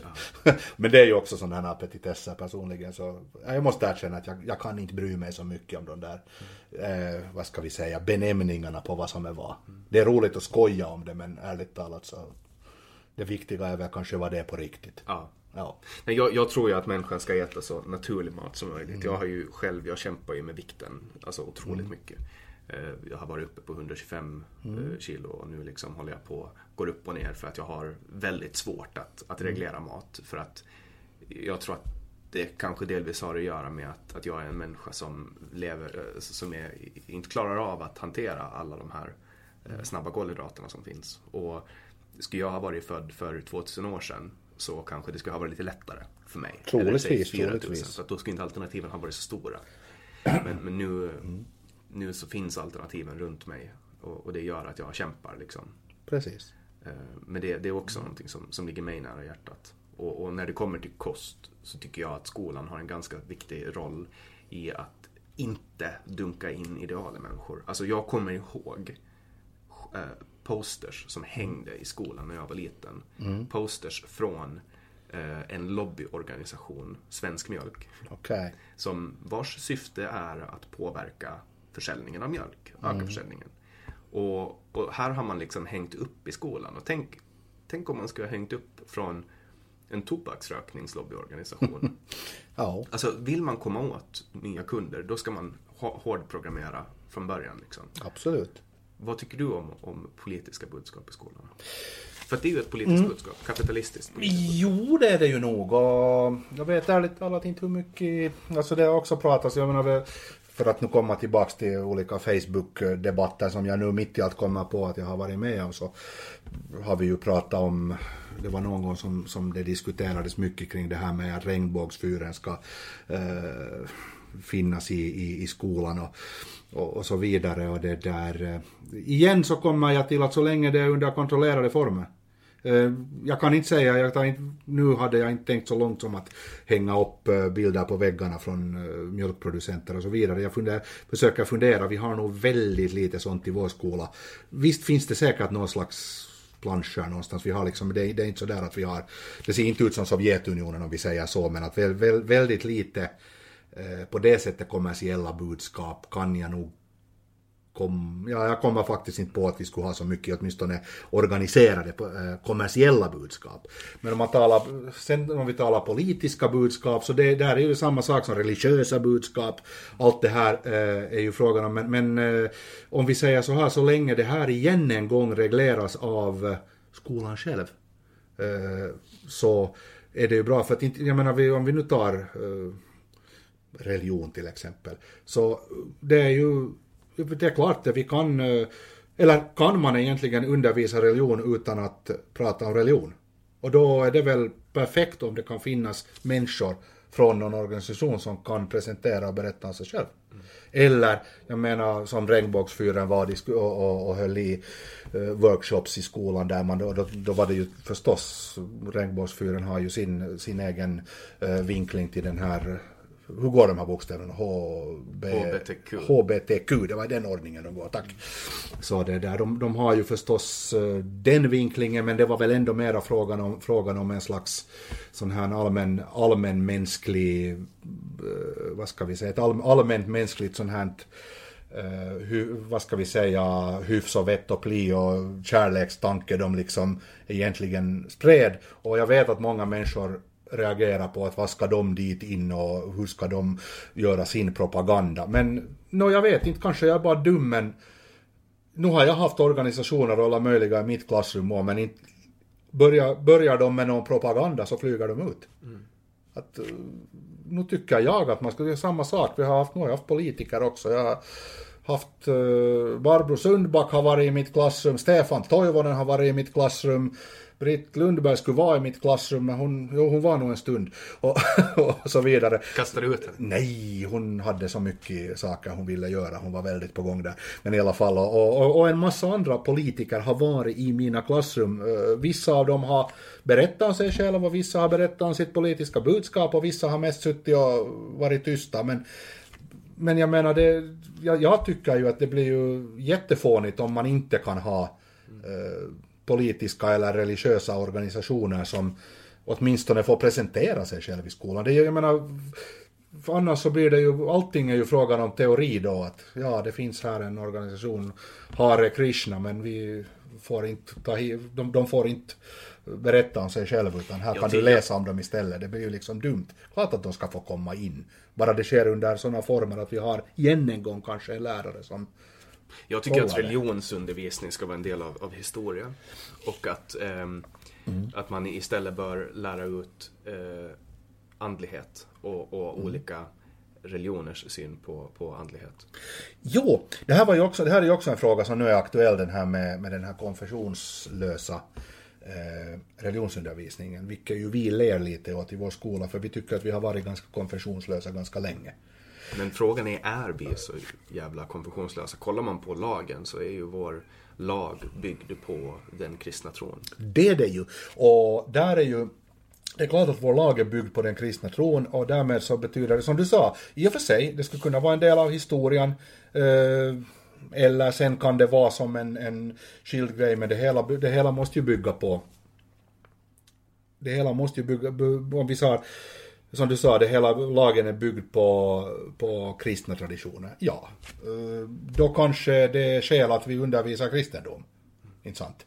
Eh, jag menar det är väl väldigt dumt att, att, att, inte undervisa kristendom om vi en gång lever på ett sådant här ställe. På samma gång så är det väl självklart att vi också ska undervisa om om eh, judendom, vi ska undervisa om islam, vi ska undervisa i alla möjliga olika sammanhang. Och sen då drömmen som du sa skulle vara att kunna få in en ordentlig dos allmän andlighet och, och, och få till det. Det är sen det är sen en, en slags, någon form av överkurs dit vi kanske inte riktigt har kommit, men jag tror att med hjälp av konfessionslös religionsundervisning så kan vi ju, så kan vi ju komma dit, mm. helt enkelt. För att, eh, det, det här måste jag erkänna att jag tycker att det har varit lite patetiskt, den här igen, den här politikerdebatten om konfessionslöst eller inte konfessionslöst. Det är ungefär som att det skulle vara liksom att det, det är någon stor revolution som är på gång. Det enda det gör om vi får in, om, om, om den här eller när den här religionsundervisningen blir konfessionslös är att vi får ett skolämne som alla elever kan delta i. Mm. Jag, jag, jag ja. tycker att, att det är rimligt att, alltså, jag, jag tycker att religion i allmänhet bara ställer till med, med, med skit liksom. Alltså, mm. kollar man, ska man vara helt mm. ärlig när det kommer till religion så är ju de flesta krig de flesta människors, mm. alltså, och historiemässigt också. Jag tycker, att, jag tycker att vi har kommit så pass långt att vi kan liksom skippa det här med, med religioner. Vill man hålla på med mm. eh, de här grejerna, absolut. Jag mm. förstår mm. att människor får en andlig avkastning mm. av att utföra de här ritualerna, att. Eh, underkasta sig eller överlämna sig till, till en, en högre makt och hela den biten. Jag förstår den. Men, men eh, det finns den här liknelsen med religioner och penisar. Att det är okej okay att ha en penis, men det är inte okej okay att vifta med den i folks ansikte. Nej, det är väl inte, men... men Förutsatt det... att den andra parten inte då har gett sitt medgivande till det. Självklart. Såklart. det är väl klart. Men eh, dock så bör man ju undervisa om att det finns penisar. Absolut. Och det kan ju vara ganska bra att ha en ganska ingående peniskunskap om man dels själv har en eller om man annars är intresserad av hur sådana fungerar. Inte sant? Så jag menar, eh, därför kan vi ju inte heller eh, på det sättet som du sa, Blunda säga att man skulle borde lägga av med det där det finns ju. Alltså någon slags undersökning läste jag att 96,4 procent av världens befolkning på ett eller annat sätt, nu talar jag inte om att de är väldigt eh, religiösa väldigt så här, men på ett eller annat sätt liksom binder sin eh, livsåskådning till någon form av eh, religiös tro. Så då, på något sätt säger det att om det nu är 96,4 procent av världens befolkning som på något sätt hör ihop med det så kan man kanske inte heller säga att vi inte ska ta upp det. Det, det, det, det är klart man måste ta upp det. Absolut. Och, och, och, man måste ju liksom, som du säger att, att, stora delar av världens krig har kommit, ja, säkerligen, men största delen av världens krig har inte kommit till genom att någon har sagt att älska din nästa som du älskar dig själv, utan det är, utan det är grupperingar som har fötts genom de sakerna och då är det ju historia. Mm. Och igen en gång för att kunna känna till det här så ty ja, jag tycker ju att det är, jag tycker ju att det är väldigt, väldigt viktigt att vi tar helt enkelt undervisa de här sakerna. Däremot som någon har trott att man gör i konfessionell religionsundervisning så har ju, är det ju långt ifrån skolans sak att berätta att vad som vad, vad, vad som är rätt tro så att säga. Det är ju varje människas ens, enskilda sak. Jag kommer ju ihåg när vi läste barnens bibel i skolan och vi pratade om, om Jesus och Moses och, Ja. som personer som har utfört saker som faktiskt har hänt. När vi pratar om Mm. gå på vattnet, när vi pratar om, om alla de här grejerna som hände i Egypten. Då kommer jag ihåg hur jag tänkte, men vänta nu. Det kan ju inte stämma. Mm. Du var inte på mina timmar då hör jag. Jag antar att du har en annorlunda... Ja, ja eller jag säger att eh, det här är fakta. Det är fakta att det står så i den här boken. Och det är också fakta att massvis med människor under år, årtusendenas lopp har utgått från att det, det, det som står i den här boken är sant. Det är fakta. Och sen är det förstås, jag menar nu är man ju ganska trollkarl om man springer på vatten, inte sant? Har det hänt på riktigt? Jag vet inte, jag var inte där, jag kan inte kolla. Det står så här och massor med människor har trott det. Sen kan man fundera själv att är det rimligt. Jag kommer ihåg det här med plågorna, de här plågorna i Egypten. Ja. Det, det ifrågasatte jag. För att det här med Jesus förstår man ju ändå på något sätt Ja. att... eh, Och idag kan jag vara lite splittrad. Jag kan sitta och fundera på, på det här med Jesus och tänka att skulle det vara så att han är världens mest kända person och har varit det och, och har liksom stått till grund för världens mest sålda bok om han inte skulle ha gjort någonting fenomenalt. Ja, men då kan man säga så att jag menar som jag också brukar säga att jag har ju sett, eh, vad han hette den där trollkarlen som trollade bort Frihetsgudinnan i direktsändning. Ja, eh, Och, och så, vad han nu hette i alla fall. Men jag lovar dig att om 2000 år har man inte, bygger man inte katedraler för att hylla honom. Så därmed så är det nog inte poängen med Jesus är nog inte att han gick på vatten. Däremot är det ju en, ett fantastiskt argument. Det är det man minns. Helt enkelt. Och det har ju författarna väldigt eh, framgångsrikt liksom skrivit in där för att man, man ska minnas det här och därmed så blir det, no, det är ju lite så här som att uh, man, man tar, jag menar vi tar Zlatan Ibrahimovic kanske inte säger så jättekloka saker. Men alla vet att han är en suverän fotbollsspelare. Och när han kommer och, säg, och börjar säga så alla Shh, Zlatan ska säga någonting. Och så säger han någonting som precis vem av oss ska säga, men det är speciellt för det var Zlatan. Och där har man ju i den här Nya Testamentet byggt upp den här eh, berättelsen om Jesus väldigt fint. Man har ju gjort en massa berättelser som ska vara, man kommer ihåg de där superhjältegrejerna som han gör. Och egentligen är poängen att de vill att han ska ha sagt de här sakerna. Och Kanske det var så, kanske det inte var så, jag vet inte. Men, men det är ju det som, är, som jag ser som är, som är huvudpoängen. Och jag tror att det är väldigt viktigt också, också i skolan, att åtminstone sen en annan sak vad de förstår i högstadiet. De flesta så... Skiter. Ja, det får väl gå dit då någonstans. Men jag tror väl att det kan vara bra att någon gång i alla fall ha hört för det första att man frågar någon att, att, har, du, att har du läst Bibeln? Nej, varför det? Nu skit. Men hur kan du veta det om du inte har läst den? Börja med det. Och så, vad står där då? Och så kan man ta upp vad, kanske inte nu hela, men vissa saker. Det är det här där står. Okej, fine. Då kan du veta att det är det där står. Och då vet man åtminstone vad man pratar, pratar om. Och, och Bibeln, Koranen, alla de här andra som Bibeln är ju ganska svår att läsa. Jo, den är svår och det är klart och, och därför så måste man ju, det är ju mera, jag menar högstadiet är ju mera frågan om att eh, det finns en bok i gamla testamentet som heter jobb och den är jättejobbig. Liksom. Och så, och, alltså det, det är ju fråga bara om man, en slags allmänbildning, att man vet, att man vet olika saker. Och för mm, ändå, jag tycker ju nog att man är ganska korkad om man inte vet. Och jag menar som du också nu här som sa att det är inte egentligen att ja egentligen är det ganska onödigt säger du, men ändå så vet du nog en hel del.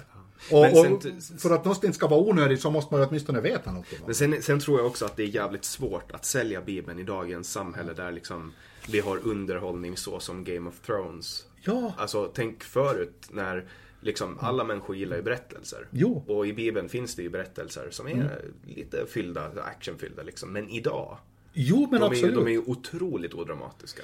Jo, men I de, förhållande till vad som finns. ja men de är ju det, men ändå som du sa så bygger våra traditioner på det. Mm. Och därmed så finns det ju, tycker jag, en orsak att då hålla. Sen i det skede som vi börjar stifta lagar efter Game of Thrones, så då tycker jag att vi bör flytta in Game of Thrones-undervisningen i, i, i det där i, i skolans livsåskådningsundervisning. Och du förstår hur jag menar. Exakt. ja. Så att det, det är alltså väldigt o, o, dramatisk syn jag egentligen har på det. Att det, jag menar, det finns ju. Att det är ju samma sak. Och, och sen om man säger att mina barn ska inte få veta det där. Så jag brukar komma med och säga att no, det är samma sak. På, då, säger vi, då tycker jag att mina, det är opassande att mina barn lär sig om Kanada. Så då när de pratar om Kanada i geografin så får mina barn inte vara med. På grund av att du har en, en speciell tro liksom. Ja, ja, Kanada får de inte veta någonting om och så vidare. Men Kanada finns och därmed så måste de kanske få veta någonting om Kanada. Så det är nu bara så jag tycker. Ja. Nej, jag har svårt för eh, det här med att man, man liksom lever sitt liv på ett sånt sätt att man inte kan delta i det allmänna rummet. Mm. Eh, jag tycker att det är lite på något sätt obehagligt. Att man försöker skydda sig från eh, ett upplevt hot. För att det är ju ett upplevt hot. Man, man tror mm. kanske inom Islam att det, det, är ett upplevt hot att om man inte bär slöja så kommer, kommer Guds vrede att, att liksom mm. utlösa. Och jag tycker att det är tråkigt. Att, att det finns så, för att jag all respekt till de som känner för att de vill bära mm. slöja. Mm. Ehm, det handlar inte om det. Men, men jag tror inte att folk jättegärna vill gå runt och, och, och bära slöja om, om de inte skulle ha lärt sig från början. Kanske Nej, no, det, är ju, det är ju tradition förstås. En, en, I många fall är det en tradition och i vissa fall så kanske det är någon annan som vill att personen i fråga ska följa en viss tradition helt enkelt. Och, och sen egentligen var väl Koranen mest säger är väl att man ska klä sig anständigt. Och sen vad är anständigt? Jag menar vi har alla olika syn på vad anständighet är. Alltså Amazonas djungel så räcker det väl att man täcker midjan så är man anständig. Men, mm, ett lär för snoppen. Typ, typ. Jag menar så att det är ju frågan om hur de traditionerna kommer och, och är. Så att det är väl också, allt det här så ja, det är väldigt fascinerande. Jag menar det, det är människor och jag, jag tycker att allt sånt här måste man kunna dels prata om och dels undervisa. Och sen är det inte alltid så stor betydelse vad vi just tycker om det, utan det är mer frågan om att hur, hur har det där, varför finns det där? Ja, men mitt, mitt perspektiv, ja. är, och det här var väldigt slående när jag, mm. när jag var i Kina och, och köa, mm. så, så, så noterar jag att folk trängde sig före. Mm. Och jag blev arg. Mm. Jag blev så här, men vad i helvete? Det kom någon liten kines och bara liksom tryckte sig fram. Och det var inte så här att han nej, nej. liksom försynt smög in. Utan det var verkligen, han liksom armbågade bort mig. Ja. Och, och då, för att jag ska kunna förstå det. Så jag kommer ju från en kultur där mm. man fint köar. Man är lite Absolut. konflikter och så. Mm. Men för dem så är ju där en ledig plats i kön. Mm. Den kan jag ta. Precis. Och de är ju vana liksom att för dem, ja. då är det ju jättekonstigt att jag bara står där och öppnar upp en lucka. Jo, jo, jo, alltså, att, man, att det, för mig är det jättesvårt att förstå den andra människan och det är ju klart att det kommer att ske kulturkrockar. Jo, jo. Ja, som du sa, du, du tycker att det är konstigt att du står. Det kan ju hända att de till och med tänkte att vilken trevlig kille som har öppnat ja. plats åt mig. Exakt. att det, jo, jo, nej men det, det var ett jättebra exempel. Att man måste ju alltid, det är väldigt, tycker jag, utvecklande att försöka fundera att hur, hur liksom, hur många de andra tänker här. Mm. För att, också för att en vanligt citat som jag bara, jag hör mig bara säga saker jag har sagt tidigare, men uh, som jag brukar säga, att, att, jag är ganska övertygad om att det väldigt sällan sitter ett gäng gubbar och funderar att nu ska vi hitta på en så dålig regel som möjligt. Mm. Utan nu finns det ju alltid någon tanke, sen om den är bra eller inte, och om den fungerar. Man får ju själv bedöma. Jo, jo, eller om den fungerar genom tiden, om det är liksom mm. allt sånt här. Men, men ett exempel, ja, ett annat, nej förlåt, det var jag som bara avbröt det. Nej, men säg, säg vad du vill säga. För att komma tillbaka till det ja. med kineser. Jag och min fästmö var i Kina och mm. vi var i en setting där vi skulle äta. Vi stod med våra tallrikar, var på mm. väg att sätta oss ner. Det var en, en, en buffé. Och, och, och framför mig står min fästmö och sen framför min fästmö står en kines. Okay. Och den jäveln pruttar på min fästmö. Okay. Alltså en hög jävla prutt jo, alltså, jo, som luktar satan. Och, och då blir ju jag arg. För ja. vem, vem, är han som står och pruttar på mig? Alltså, så. Jo, jo, absolut. Och hon blir ju såhär, men vad fan, jag står, jag ska äta. Och, han, han liksom, ja. och då får jag också så här, vet, backa ett steg tillbaka och bara fundera. Ja, dels för att dölja lukten, alltså. Ja, ja. Det luktar illa. Men, men sen, sen så här, ur mitt perspektiv så är det ju mm. inte så jävla trevligt om de pruttar på en. Nej. Men, å andra sidan, för honom, hur kul är det att gå runt och hålla inne på en prutt? Då är ju, då är ju deras samhälle mycket mer utvecklat där man inte lägger någon prestige i prutt. Därför att alla pruttar ju. Det är sant, det är sant. Så är det ju, alla släpper ju sig någon gång. Jo, jo. Och då är det ju kanske, eh, alltså, ur ett allmänt hälsoperspektiv kanske bättre med en kultur där man ibland får utsättas för en mindre angenäm lukt. På, beko- alltså, på bekostnad av att, att man får leva naturligt. Ja men absolut. Så Eh, kan man, så kan man Jag skulle kanske, jag föredrar också att folk inte pruttar, men, men jo, du rätt i det. Men det, jag ty, tyckte, typ om jag, när vi åkte hiss här tidigare, om jag skulle ha släppt mig där inne. Så att du typ skulle börja spy. Det är ju inte så trevligt, man kan ju välja var man pruttar. Man så. gör ju det förstås, men att som sagt, jag menar kanske nu för den där killen, jag är inte expert nu på ja, kinesisk kultur, det finns väl 200 olika sådana, Absolut, det är ju 2000 ett olika sådana. Men, stort land. så, sånt, men, men fullt möjligt att han där inte uppfattar att han gjorde någonting illa. Nej, nej absolut inte. Nej. det, jag, alltså, ki- kineserna, för dem, åtminstone där jag har rört mig i Kina, för det är som du säger, Kina är ett väldigt stort Mm. Ja. land. Eh, så är det en del av människan att rapa och prutta, vilket det är här också, men här finns det ett socialt stigma över det. Mm. Man är inte så fin i kanten om man rapar och pruttar. Jo, nej. Jo, nej, det är, Jo, det nej. är man inte. det finns inget jo där tycker jag. Eh, och, och då är det liksom, eh, för, för mig som mottagare av en Prutt. prutt, så är ju det, men för dem som utsläppare så är ju det ett lite mer, det är naturligt. Och det är ju också en kulturkrock. Ja, ja, absolut. Jag menar, det här är det ju, skulle det nu hända då att man i misstag skulle råka släppa sig riktigt ordentligt så det är ju fruktansvärt pinsamt också för den som gör det alltså. Det är ju hemskt, man vill ju gå och dö nästan, säger jag som har faktiskt vid tillfälle gjort det. Ja. Jag, jag kan ju också berätta för att jag skrev, eh, när jag jobbade på Ålandstidningen, en krönika om det här. Jag pruttade i kyrkan en gång. Oj då, oj på då. ett, på ett dop och det var helt knäpptyst. Och jag var väldigt liten. Men då, i och med att det attraherade så pass mycket uppmärksamhet så fick jag högt säga, vända mig till min pappa och säga förlåt pappa, det var, det var ingen meningen. Oj då. På åländska. Oj då. Och då drog jag ju ännu mer uppmärksamhet. Ja, så absolut. hela kyrkan och prästen och alla började skratta. Och Mm. eh, folk kommer fortfarande ihåg det här än i denna dag. Ja, men det, sånt, sånt gör man ju. Men den får man väl ändå bjuda på. Då var det ju lite jobbigt. Jo, det är klart. Och jag menar, det skulle vara ärligt talat värre om du skulle göra det nu. Nej men nu så ska jag, nu, nu, nu ska jag ju mer än gärna göra det om jag ska få uppmärksamhet. Ja. För nu har jag växt upp till att bli ständigt hungrande efter uppmärksamhet. Okej, okej, okej. Och jag Ja, älskar allt med mig. Nej, du förstår vad jag menar. Absolut. Man väljer ju inte politikeryrke för att man hatar uppmärksamhet. Eller Nej, det, det är sant. Det, sen kan vi fundera om du får många, många flera röster om du gör det. det Kanske du får. Du får väl de där proteströsterna då. Ja, det känns som att folk i kyrkan inte ska rösta på mig om jag pruttar där. Men de som inte vill gå till kyrkan kanske skulle De kanske skulle göra det. Så då är ju Precis. frågan liksom hur man gör det. Kanske man livestreamar det på Facebook när man går in och pruttar i kyrkan. En pruttar Valkampanj. Jag pruttar i kyrkan. Det är fint. och lägger upp det på YouTube. Liksom. Ja. Absolut. Pruttar och, och kultur. Eh, jag tycker att det är viktigt i tider som dessa polariserade att prata om olika kulturyttringar. Och jag Ja. hade ett, ett intressant samtal med Christian Wikström som är då en kandidat i obunden samling och deras partisekreterare som tidigare har jobbat i Sverige med integration.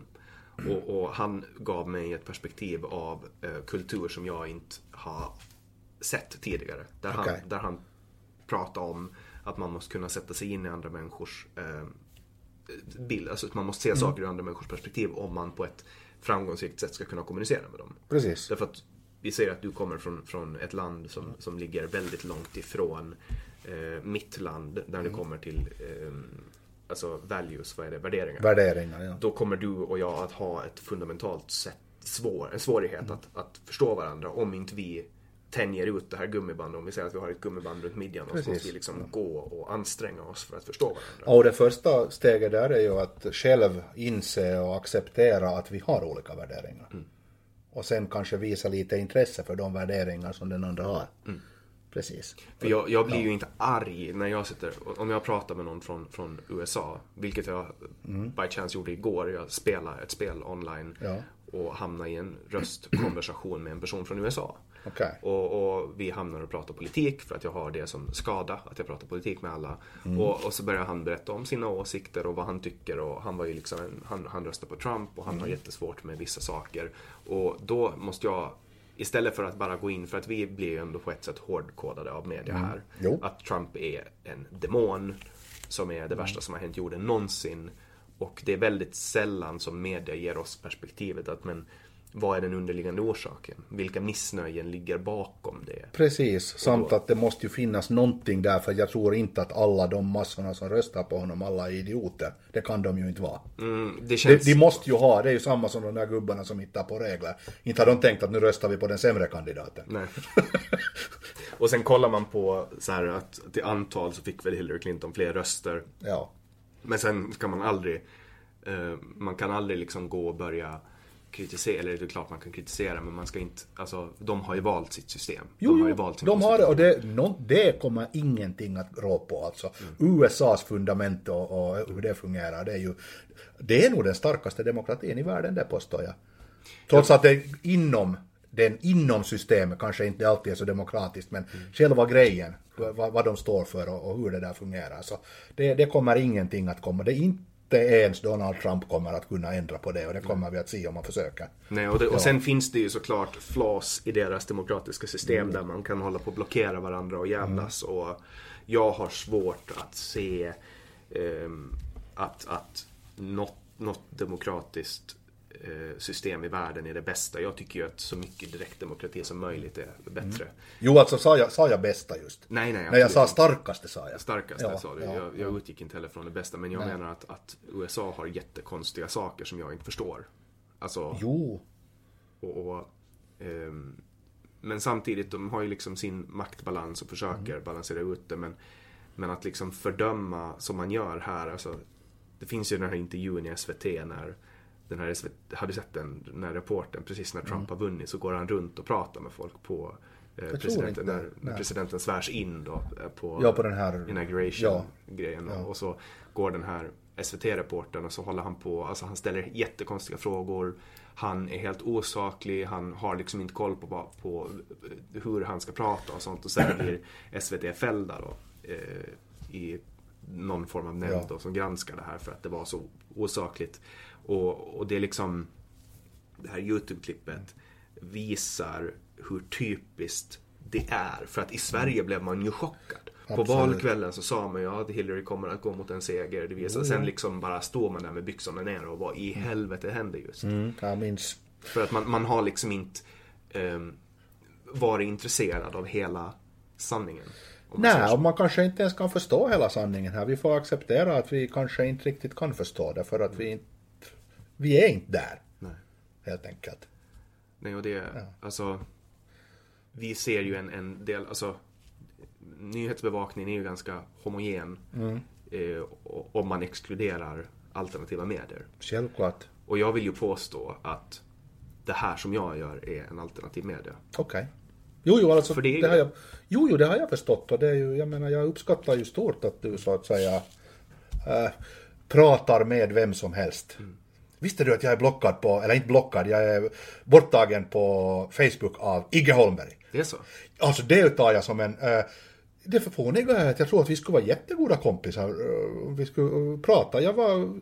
En gång för några år sedan så tog han mitt i allt så märkte jag att jag inte var mera på vänlistan och då hade han skrivit någon vecka före att jag pratar med alla förutom de som har någonting vad han sa, att he- helt fullständigt eh, opassande inställning till frågor.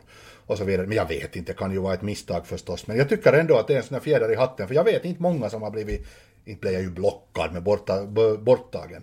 Och det är ju ingenting som jag på något sätt är sådär. Jag brukar ju hälsa på honom när jag ser honom. Och jag skulle fortfarande gärna sitta ner och prata med honom. För jag tror vi, jag tror vi skulle kunna ha ganska roligt, ja. Men jag vet inte, om någonting det var väl, jag tyckte väl att någonting han sa var inte så, inte så bra. Det var väl när han kallade påsken för zombiehögtid. Och jag frågade att kanske, att, är du riktigt säker på att alla människor tycker att det där är okej eller någonting?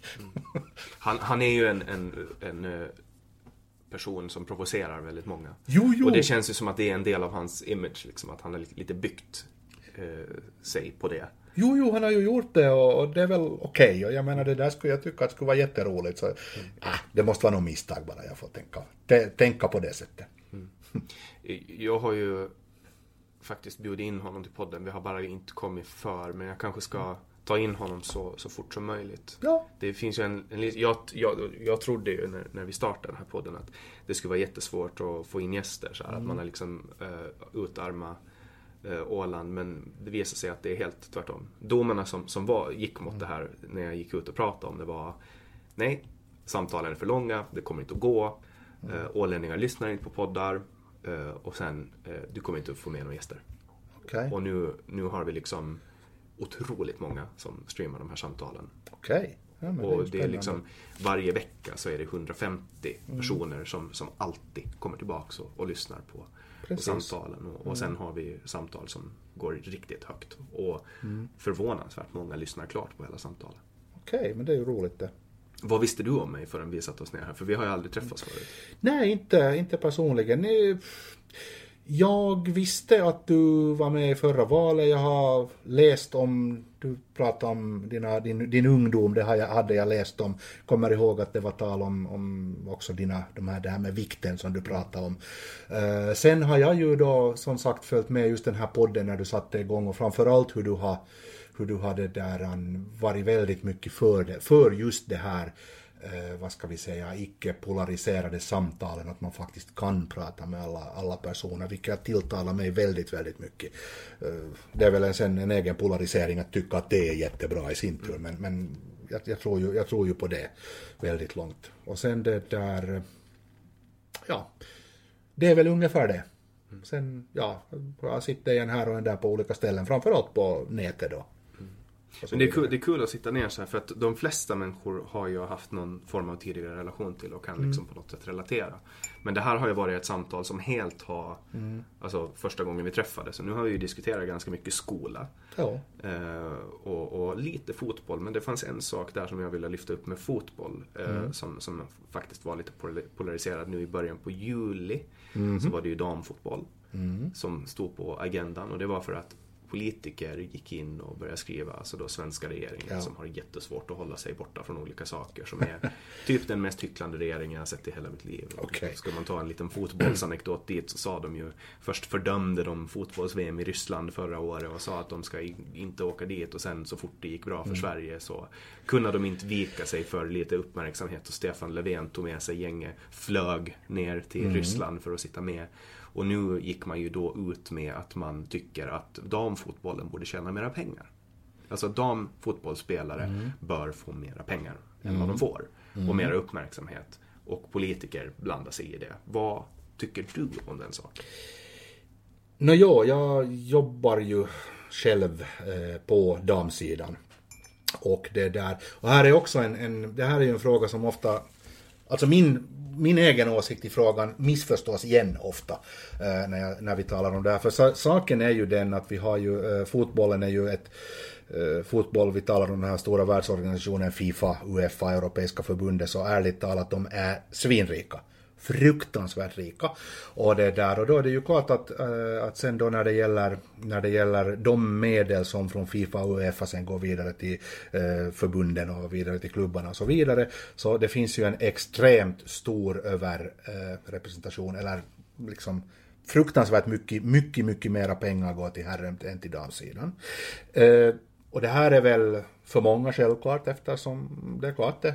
Titta på tv-siffror, titta på eh, överhuvudtaget eh, vem som genererar pengar så är det så att herrarna gör väldigt, liksom får fruktansvärt mycket mera både uppmärksamhet och därmed helt enkelt pengar så då är det alltså de som borde ha det. Till en viss del, ja, absolut. Sen kan vi också säga en sån här sak att eh, på samma gång så meddelar Fifa och Uefa att eh, damfotboll är viktigt. Det är jätteviktigt att få med kvinnor och damer. Man har tagit upp och gjort olika eh, räkningar och konstaterat att jag menar, hur mycket den delen kan växa. Och då skulle man ha en möjlighet att på riktigt göra det genom att de facto ge kanske en lite, lite uh, skevare, för jag menar herrarna överlever väldigt bra. Skulle kunna ge en liten större del till Eh, förbunden för utdelning till damsidan. Ja, och det här, är inte fråga, det, är, det här är inte frågan om, jag menar som nu kan man komma i Sverige framförallt och också USA där damerna vann eh, världsmästerskapen nu och de facto också kunde uppvisa att de genererar, USAs damlandslag genererar faktiskt mera pengar för tillfället än herrlandslaget. Så de har ju argument där för att få eh, samma lön så att säga. Trots att i USAs herrlandslag så får man ju betydligt, eh, man, man, man, alltså herrlandslaget får helt enkelt mera ersättningar än damlandslaget trots att damlandslaget dels vinner världsmästerskapet och dels genererar mera pengar. Så i USA har man en helt egen, en helt egen diskussion. Uh, Ändå så, såklart, jag menar om vi, om vi talar om den, vi kan tala om landslag som, som den offentliga sektorn. Så ja, alltså någonting säger mig att ja, vi, man, självklart på landslagsnivå så tycker jag väl att de ersättningarna kunde vara åtminstone snarlika eftersom det är frågan om, det är frågan om offentliga pengar. Och då har vi också en sån här skillnad. Sen kan jag väl säga att om vi, om vi tar en liten sån här behovsprövning in i det hela frågan. På här sidan de absolut flesta spelare tjänar så fruktansvärt bra i sina klubbar att de inte ens märker om de får landslagspengar eller inte. Medan på damsidan så kan det utgöra ett hel, liksom en ett extremt stor skillnad mm. med en par hundringar, en par tusenlappar till. Så där kan jag säga ja, absolut. På eh, offentliga sektorn, på landslagsnivå, där bör det, där bör det vara no, åtminstone så lika det bara går. När vi kommer sen in på det här annat, vi kan tala, no, talar vi Åland, vi talar Åland United och vi talar IFK Mariehamn som båda två eh, kanske inte hör till de här rikaste klubbarna i världen. Så inte det är någon hemlighet heller. Det är klart att spelarna i IFK Mariehamn får bättre lön än spelarna i Åland United. Vi gör samma jobb, alla gör det här eh, på sitt sätt. Och då, då, kan vi ju säga så här att eh, självklart skulle Åland United betala bättre lön åt spelarna om vi skulle ha mera pengar. Mm. Men de pengarna tog det inte komma genom att vi ropar att nu ska vi ha mera pengar, utan det är klart att här, här kommer ju en sån här marknadsekonomi. ursäkta, eh, marknadsekonomi kommer ju in och det är ju klart att de klubbarna som har pengar så betalar ju självklart bättre åt sina, sina spelare och sina eh, ledare och alltihopa. Och då är det ju fortfarande så att de klubbar eller de lag som sysslar med herrfotboll har mera pengar för de genererar. Så på klubbnivå är det här en annan, eh, är det här ju en helt annan diskussion. Mm. Såklart. Ja. Om man hypotetiskt sett säger att man skulle till exempel öppna upp herr, alltså man ska göra, det var inte herrfotboll och damfotboll utan man, man hade bara ett för, för båda mm. könen. Då skulle väl, alltså rent, eh, om man måste kvala in, så är det väl ganska svårt för en kvinna att kvala in i ett herrlag. Det är ja, det som idag är ett herrlag. Jo, men jo, jo, jo, absolut. För att män på grund av sin fysik kommer att... Självklart, och det är ju den här diskussionen som vi tar att, att det där, eh, men ta andra idrottsgrenar. Hur många kvinnor skulle finnas med i, 100, i finalen på 100 meter? Noll, självklart. Trots det så finns det betydligt många kvinnor som är betydligt bättre idrottare än herrar som gör bättre resultat. För det, det här är ju en fysisk, det här är en fysisk fråga och, och det där och därför så, jag menar hela den här diskussionen om att, att när kvinnor blir lika bra som män så kan de få lika mycket. Det, det är en helt nolldiskussion egentligen. Men det är väl också därför man har eh, segregerat män och kvinnor. Jo, det, det, är ju, det är ju, jo precis, det är det jag menar. Det, det är ju det man har gjort. Alltså därför så har vi alla Jag menar tennis, spelar herrar och damer. Ja, no, det finns mixed klass förstås, men man, man, man, spelar ju olika friidrott. Det finns 100 meter för herrar, 100 meter för damer. Och, och, det är ju helt enkelt, där, där är ju, det är ju för att helt enkelt göra själva idrottsprestationen någorlunda, någorlunda rättvis. Sen vad, vad det här är värt i pengar, så det är ju förstås frågan om, där, där vill jag säga så här att vill man att flera vill man att, att eh, fotboll för kvinnor växer och blir liksom, den kan bli hur stor som helst, det finns extrem växtpotential. Så då, om man vill det, så då bör kanske medlen fördelas så att, jag, jag skulle säga så här, många förstår, förstår mig fel, när jag säger att man skulle måste se till att förhållandena blir lika. Mm. Och då talar jag inte om att, som många, i det här skedet så smäller många av det, ah, okej, okay, ja, ja, så de ska ha miljonlön. Nej. Varför skulle man behöva ha det? Däremot skulle det kanske kunna vara rimligt om att, att, dam, att damerna skulle ha tillgång till lika många bollar som herrarna till exempel. Eh, damerna skulle ha tillgång till eh, samma mängd kläder som herrar till exempel. Förstås, jag menar det här är fråga om olika klubbar, men om vi talar om, om att vi har ett herr och ett damlag i samma klubb. Man skulle ha tillgång till det. Man skulle ha tillgång till samma buss till exempel. Man ska ha tillgång till alla, alla de här grejerna. Att ha helt enkelt möjlighet att utöva sin idrott på samma villkor. Det är det vi i dagsläget eh, pratar om på klubbnivå. Och där, är- där är vi inte riktigt ännu, men det håller på, det håller på att ske en revolution inom damfotbollen. Alltså. Så snart, snart har vi inte mycket att komma med här på Åland när det börjar, det börjar smälla ordentligt ut i världen. Och om en annan sak som, som vi ändå måste tappa in på när vi pratar om det här är eh, könskorrigerade spelare. Jo, Här hade ju varit en otrolig diskussion. Det finns den amerikanska eh, kvinnan. Sydamerikan, Sydamerikanska- sydafrikanska Skaster Semenya, inte sant? Löparen. Eh, Jag tänkte på Du handbollsspelare. tänkte handboll, okej förlåt mig, förlåt mig. För, för Ja. där var det då eh, en person som hade ett biologiskt kön som Mm. spelade handboll som sen bytte sitt biologiska kön. Mm. Eh, eller ja, korrigera sitt, man säger väl så. Ja. Eh, jag väljer mina ord. Jo, jag förstår. Så, och, och så eh, börja hen spela i en annan liga, ett annat köns Mm. eh, och är då jätte, jättebra. Mm. Vad tycker du om den saken?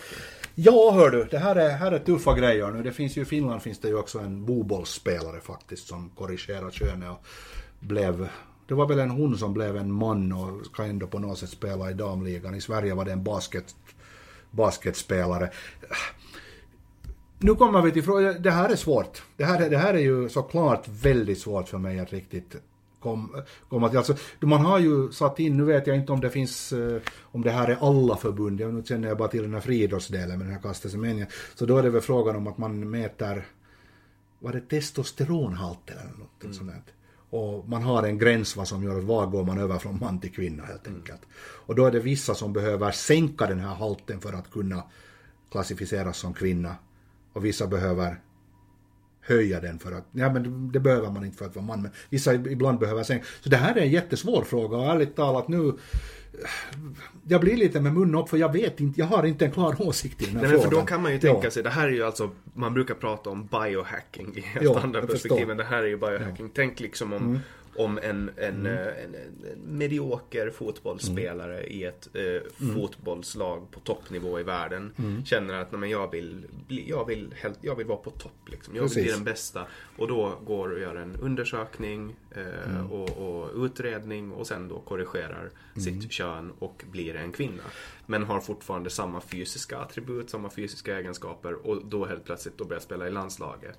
Ja, Då- jo jag håller med. Det här är, det här är en svår fråga. Och, och, nu finns det ju bara några enstaka fall som vi då känner till. Och man, man, där har ju de här reglerna, regelsättningen har ju inte riktigt ännu, den har inte hängt med helt enkelt. Utan man håller ju på att utreda, det kommer att bli lite prejudikatfall och sådär.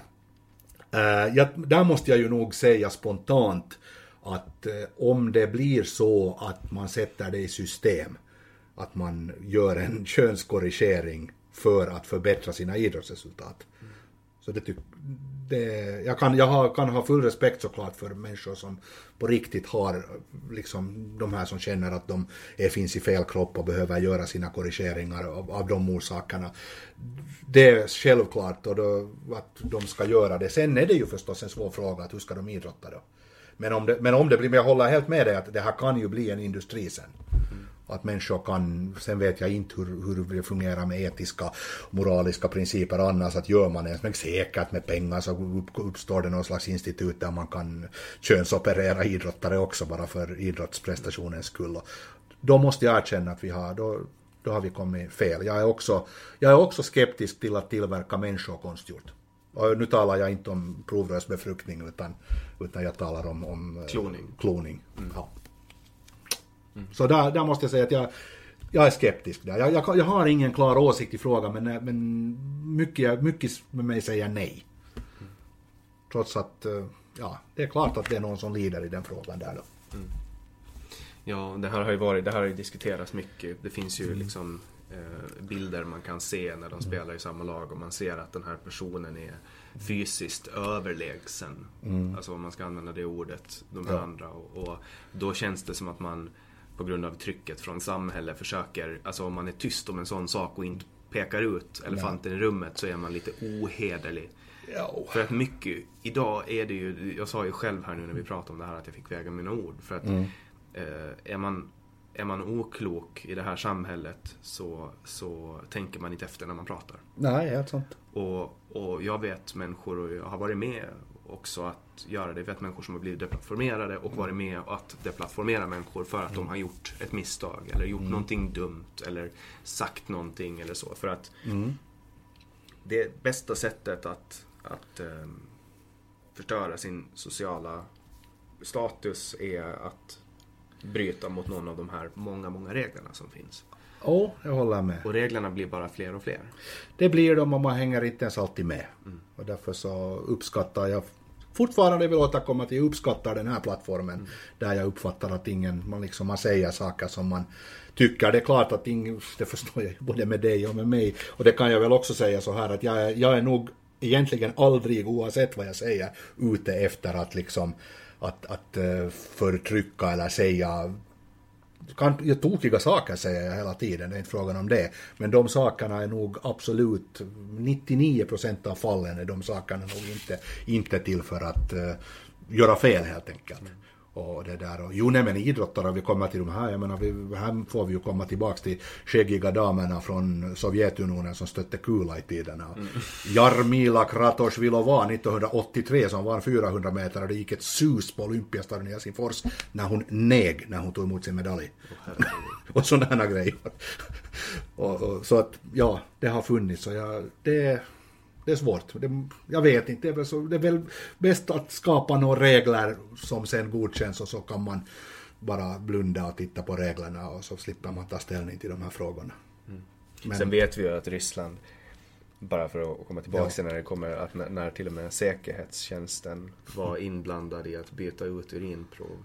Ja. Alltså på toppregeringsnivå under fotbolls-VM 2016. Eller OS. OS, OS ja.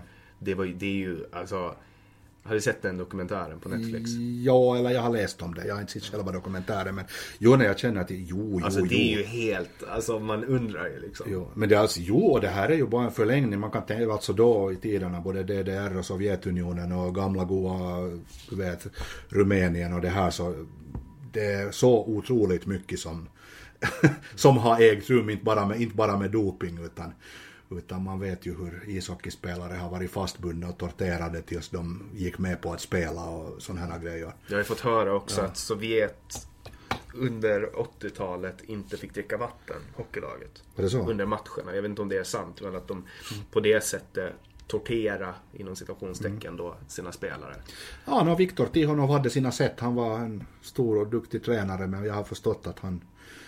Jag har förstått nog att han inte... Nej, de, fick, de var väl mest hela året på träningsläger. De var väl snarare fick- soldater mer än idrottare. Ja, och vissa av dem var ju formellt soldater också. De var, det var liksom anställda. Jo, jo, de var ju hela året på träningsläger och på något sätt hade de väl lyckats göra något barn däremellan, men att det var de talade om att hur de fick en, en månad, eller inte en månad, en vecka i året ungefär vara hemma och träffa barnen och sen var de resten av tiden på träningsläger. Det, finns, så. det finns ju en sport som är värd att nämna när det kommer till, när det kommer till jämställdhet och jämlikhet. Eh, som inte är så populär nu för tiden och det är Formel 1 och motorsporter i allmänhet. Jo. Där, får ju, där är ju vem som helst, alltså både kvinnor och män. Men där är väl snarare problemet att det inte finns någon kvinnlig Formel 1-förare. Det finns ju kvinnliga Formel 1-båtförare. Det finns det. Mm, Men inga kvinnliga Formel 1-förare är väl snarare också drivet i intresse. Det måste vara på något sätt har vi kommit, jag kommer osökt att tänka på Mi- Michelle Mouton, var inte hon rallyvärldsmästare någon gång också, en fransk kvinna. Men, men det var också då att man reagerade på det, jag kommer ihåg henne bara för att hon var kvinna helt enkelt. Men där, där har man ju också, det finns ju så många faktorer som bestämmer vem som blir en, en Formel 1-förare. Det har ju mycket att göra med föräldrarnas ekonomiska bakgrund. Man ska ha väldigt mycket pengar.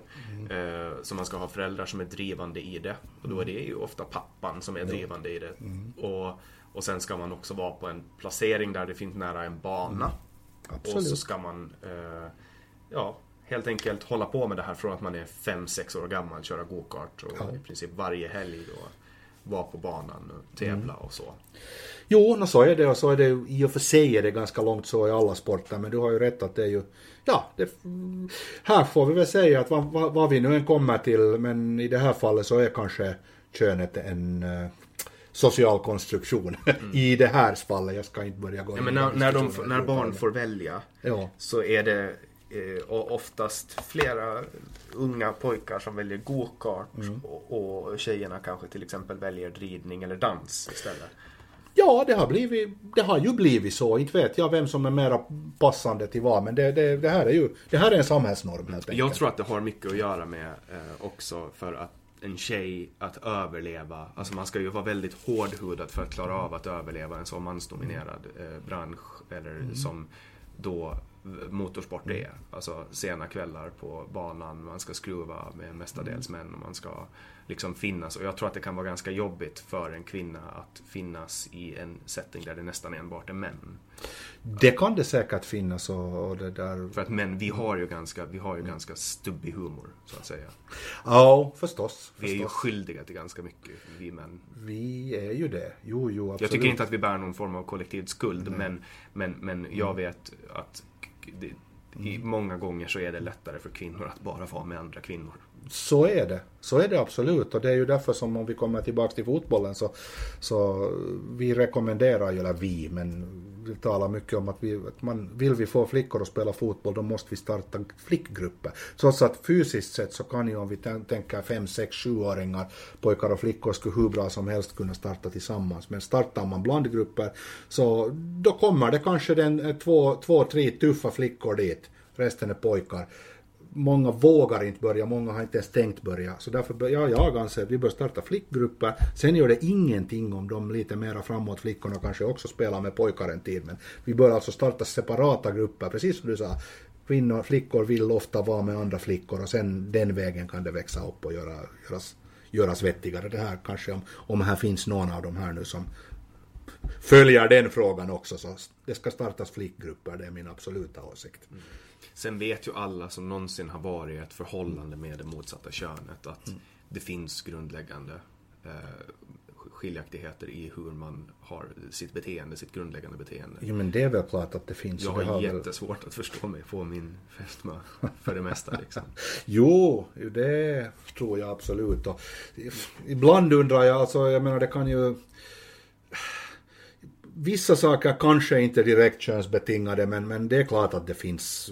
Inte, inte tänker jag liksom börja sticka under stol men det är, klart- det är klart att det, att det är olika. Och hur mycket som sen är socialt betingat och hur mycket som är genetiskt, det tänker jag inte uttala mig om. Men det är klart att, men det, är klart att det är olika. Det är svårt, att- svårt att säga. Sen är det ju också epigenetik kan man ju börja prata om nu också. Att, att vissa gener eh, påverkas av, alltså slås igång av den sociala eh, sättet, av miljö. Man pratar också om miljö. Precis. Men att, men att eh, två tvillingar eh, kan vara exakt, eller ett par tvillingar kan, kan växa upp på olika ställen och, och utveckla olika egenskaper, olika former av, ehm, alltså utveckla olika, Ja, du förstår vad jag menar? jag förstår precis vad du på menar. grund av, av omgivningen. Och att det också har så att det är en svår eh, det är svårt att uttala sig jag hade ju ett samtal eh, i början på den här podden med Mia Hanström.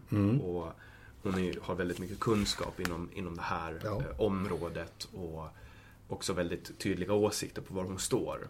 Eh, och för mig var det intressant att höra för att jag kommer ju ur det här evolutionära perspektivet där jag kollar på väldigt Mm. mycket.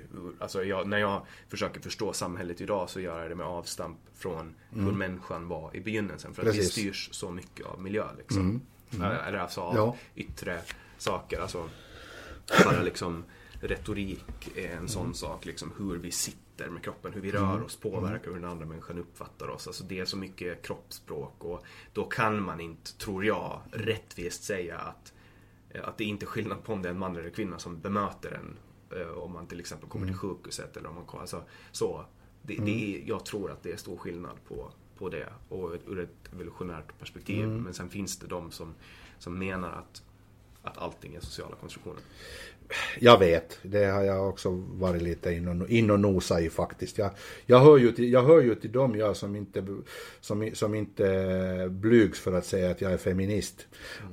Helt enkelt, jag, jag googlar och så såg jag, så sa jag där att feminism innebär att man anser att man uh, anser att uh, samhället bör vara jämställt mellan man och kvinna. Mm. Ja, alltså då är jag ju det. Sen vet jag att det där är igen en sån här uh, eldfängd diskussion om att vad är det ena och vad är det andra. Och jag har nog fått mig på nosen av så många feminister också som hävdar att, jag, det, att det är jag inte alls det. Och så säger jag att vi är jag. Och då, och då tycker jag, då, då tar jag på mig i det här fallet liksom rätten att själv definiera om jag är det eller inte inte. Ja, och där är ju också en, en, en extrem begreppsförskjutning. Jag ja. anser ju också att om, om, jag, om, om feminism är ur den, ja. eh, alltså att man står för jämställdhet. Jag tycker att alla Um, och jämlikhet. Jag tycker att alla ekonomiska resurser ska fördelas på ett, på ett rättvist sätt. Jag tycker att mm. all tillgång som den offentliga sektorn gör mm. ska, ska utdelas på ett, ett jämlikt sätt och alla ska behandlas lika och så. Precis. Om det gör mig till en feminist enligt den skolboksexemplet så ja, då är jag feminist. Men ja. sen finns det de fallen som det verkligen inte är gynnsamt. Om man vill ge sig in i ett samtal med någon så är det inte gynnsamt att kalla sig själv för feminist. Nej, jag har förstått det och det tycker jag också att blir synd för det där eh, mm. Ja, det är ju förstås genom de här begreppen. Men, men så är det med alla ord tror jag. Ja. Att de tappar sin de, de tappar mm. sin betydelse. Och det var också, eh, alltså till exempel, vad ska jag ta som exempel? Eh, någonting som jag pratar om alltid och ofta är ju narkotika och mm. narkotikapolitik. Mm. Och där finns ju ett extremt stigma kring eh, alltså, knark, man, ordet knark. Ja. Man, man använder sig jättemycket av ordet knark. Jag använder mig av ordet knark. Men det är ett, ett stigmatiserat ord. Mm. Och, och, där är det kanske bättre att använda narkotika eller droger eller illegala substanser eller whatever liksom. Mm, för att undvika. Det. Uh, för att där har man liksom byggt ett, det om jag säger knarkare till någon, det, är liksom, det smäller hårt i munnen, man får upp en Jo, oh, det är nog lite källsord det där. Hotfull människa ja. liksom, men ändå så väljer man att använda de här orden och li, lite samma begreppsförskjutning, för det var ju ingen som bestämde att nu ska vi hitta på ett ord, eller kanske det var, jag vet inte, men nu ska vi hitta på ett ord som är liksom dåligt. Det, var, det finns ju också ett exempel man brukar ge om det här. Och det är att Socialdemokraterna eh, vilja få ut så mycket människor som möjligt i arbete. Jag vet inte om det här är sant Nej. heller, men man vill få ut människor i arbete, det vet jag att det är sant. Jo. Eh, och då ändrar man benämningen husmor till hemmafru. Okay. Och alltså ändra benämningen, man börjar prata om det. Jo, jo, man börjar säga hemmafru istället för, för husmor. Att, ja precis, det blir mera liksom utsatt. Ja. ja, ja, ja. Att, att man, man, man hör ju själv, ja. alltså, om, om du ska vara hemma och, och vara med barnen, skulle du vilja vara en husmor eller en hemmafru. Vad är liksom, husmor låter ju lite mysigt. Man, man tänker på någon som står och bakar. Jo, jo, jo, men absolut. Det är klart. Hemmafru är någon som blir liksom jo, jo. sponsrad av en man som liksom ska mm. betala allting. Att det är ett, ett exempel på när man använder ord för att um, mm.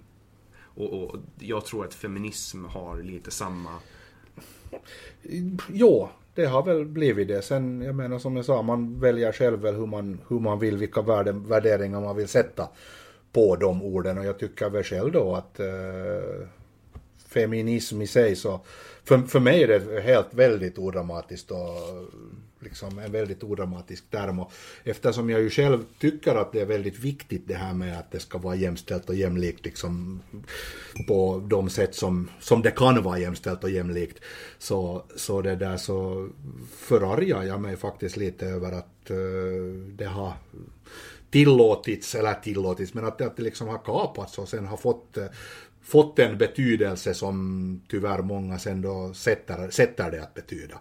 Och nu vet jag igen en gång, nu sitter jag här som en skäggig gubbe och tycker, ska berätta vad som är feminism, men ska det vara jämlikt så får jag som skäggig gubbe tycka det, mm. tycker jag. Om inte vi sen utgår från att feminism måste vara frågan om en maktkamp. Mm. Och det är det säkert, på många håll är det väl fortfarande så att, att, att det, det, det, krävs en, det krävs en liten kamp. Men jag själv så skulle vilja, eh, vilja att vi skulle kunna närma oss det från ett annat håll. Jag menar, vi kan väl börja med att försöka vara så jämställda det går. Och sen kan vi ha kampen där kampen behövs och den kampen kanske i mitt fall som man så ska jag kanske, jag vet inte hur mycket jag ska föra den kampen, men jag ska väl kanske åtminstone inte försvåra den för de som gör den kampen om vi säger så. Sikta men, ner och vara tyst och veta din plats. Typ. No, ja, typ. Ja, du nu sa det bra. no, ibland kan det vara bra att sitta ner och vara tyst och veta sin plats. Det, det, det är i och för sig en slags ödmjukhet och livsvisdom som, för, ja, för mig är det lite svårt, jag brukar bullra i det mesta, men ibland ibland kan det faktiskt vara ganska bra det också. Mm. Men eh, i slutändan så är det väl nog meningen att ingen ska behöva sitta ner och vara tyst. Utan allas plats ska vara att kunna prata lika mycket. Och där tycker jag att du gjorde en jättebra slutplädering som faktiskt får bli slutpläderingen för det här samtalet. Vi har närmat oss slutet på, på det här. Tackar jättemycket för att du kom hit eh, och tog det här samtalet med mig. Tack, det var jätteroligt måste jag erkänna. Det blev... Det var, jag visste inte ärligt talat riktigt vad vi skulle prata om men det blev faktiskt väldigt mycket och jag uppskattar att ibland också prata andra saker än bara fotboll och skola. Det var jätteroligt. Det brukar inte vara ett problem att, att, att hitta samtalsämnen och så. Nej. Och för er som är intresserade av att höra fler samtal av den här podden så hittar ni dem på www.samtal.ax. Där kan ni också gå in och önska gäster som ni gärna vill höra. Um, producent för det här avsnittet var Didrik Svan. Jag heter Jannik Svensson och du har lyssnat på Säg vad du vill Åland.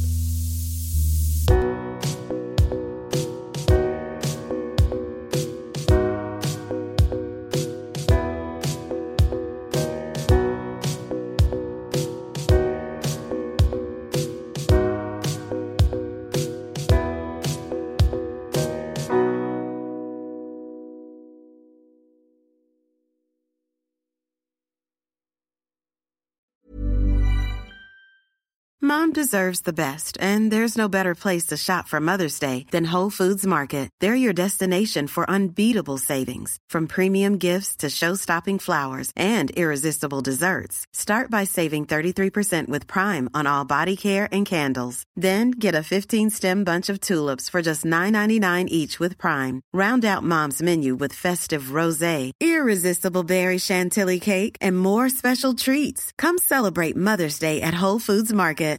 Flexibility is great. That's why there's yoga. Flexibility for your insurance coverage is great too. That's why there's United Healthcare Insurance Plans. Underwritten by Golden Rule Insurance Company, United Healthcare Insurance Plans offer flexible, budget friendly coverage for medical, vision, dental, and more. One of these plans may be right for you if you're, say, between jobs, coming off your parents' plan, turning a side hustle into a full hustle, or even missed open enrollment. Want more flexibility? Find out more about United Healthcare Insurance Plans at uh1.com. Planning for your next trip? Elevate your travel style with Quince. Quince has all the jet setting essentials you'll want for your next getaway, like European linen, premium luggage options, buttery soft Italian leather bags, and so much more. And it's all priced at 50 to 80% less than similar brands. Plus, Quince only works with factories that use safe and ethical manufacturing practices. Pack your bags with high-quality essentials you'll be wearing for vacations to come with Quince. Go to quince.com slash trip for free shipping and 365-day returns.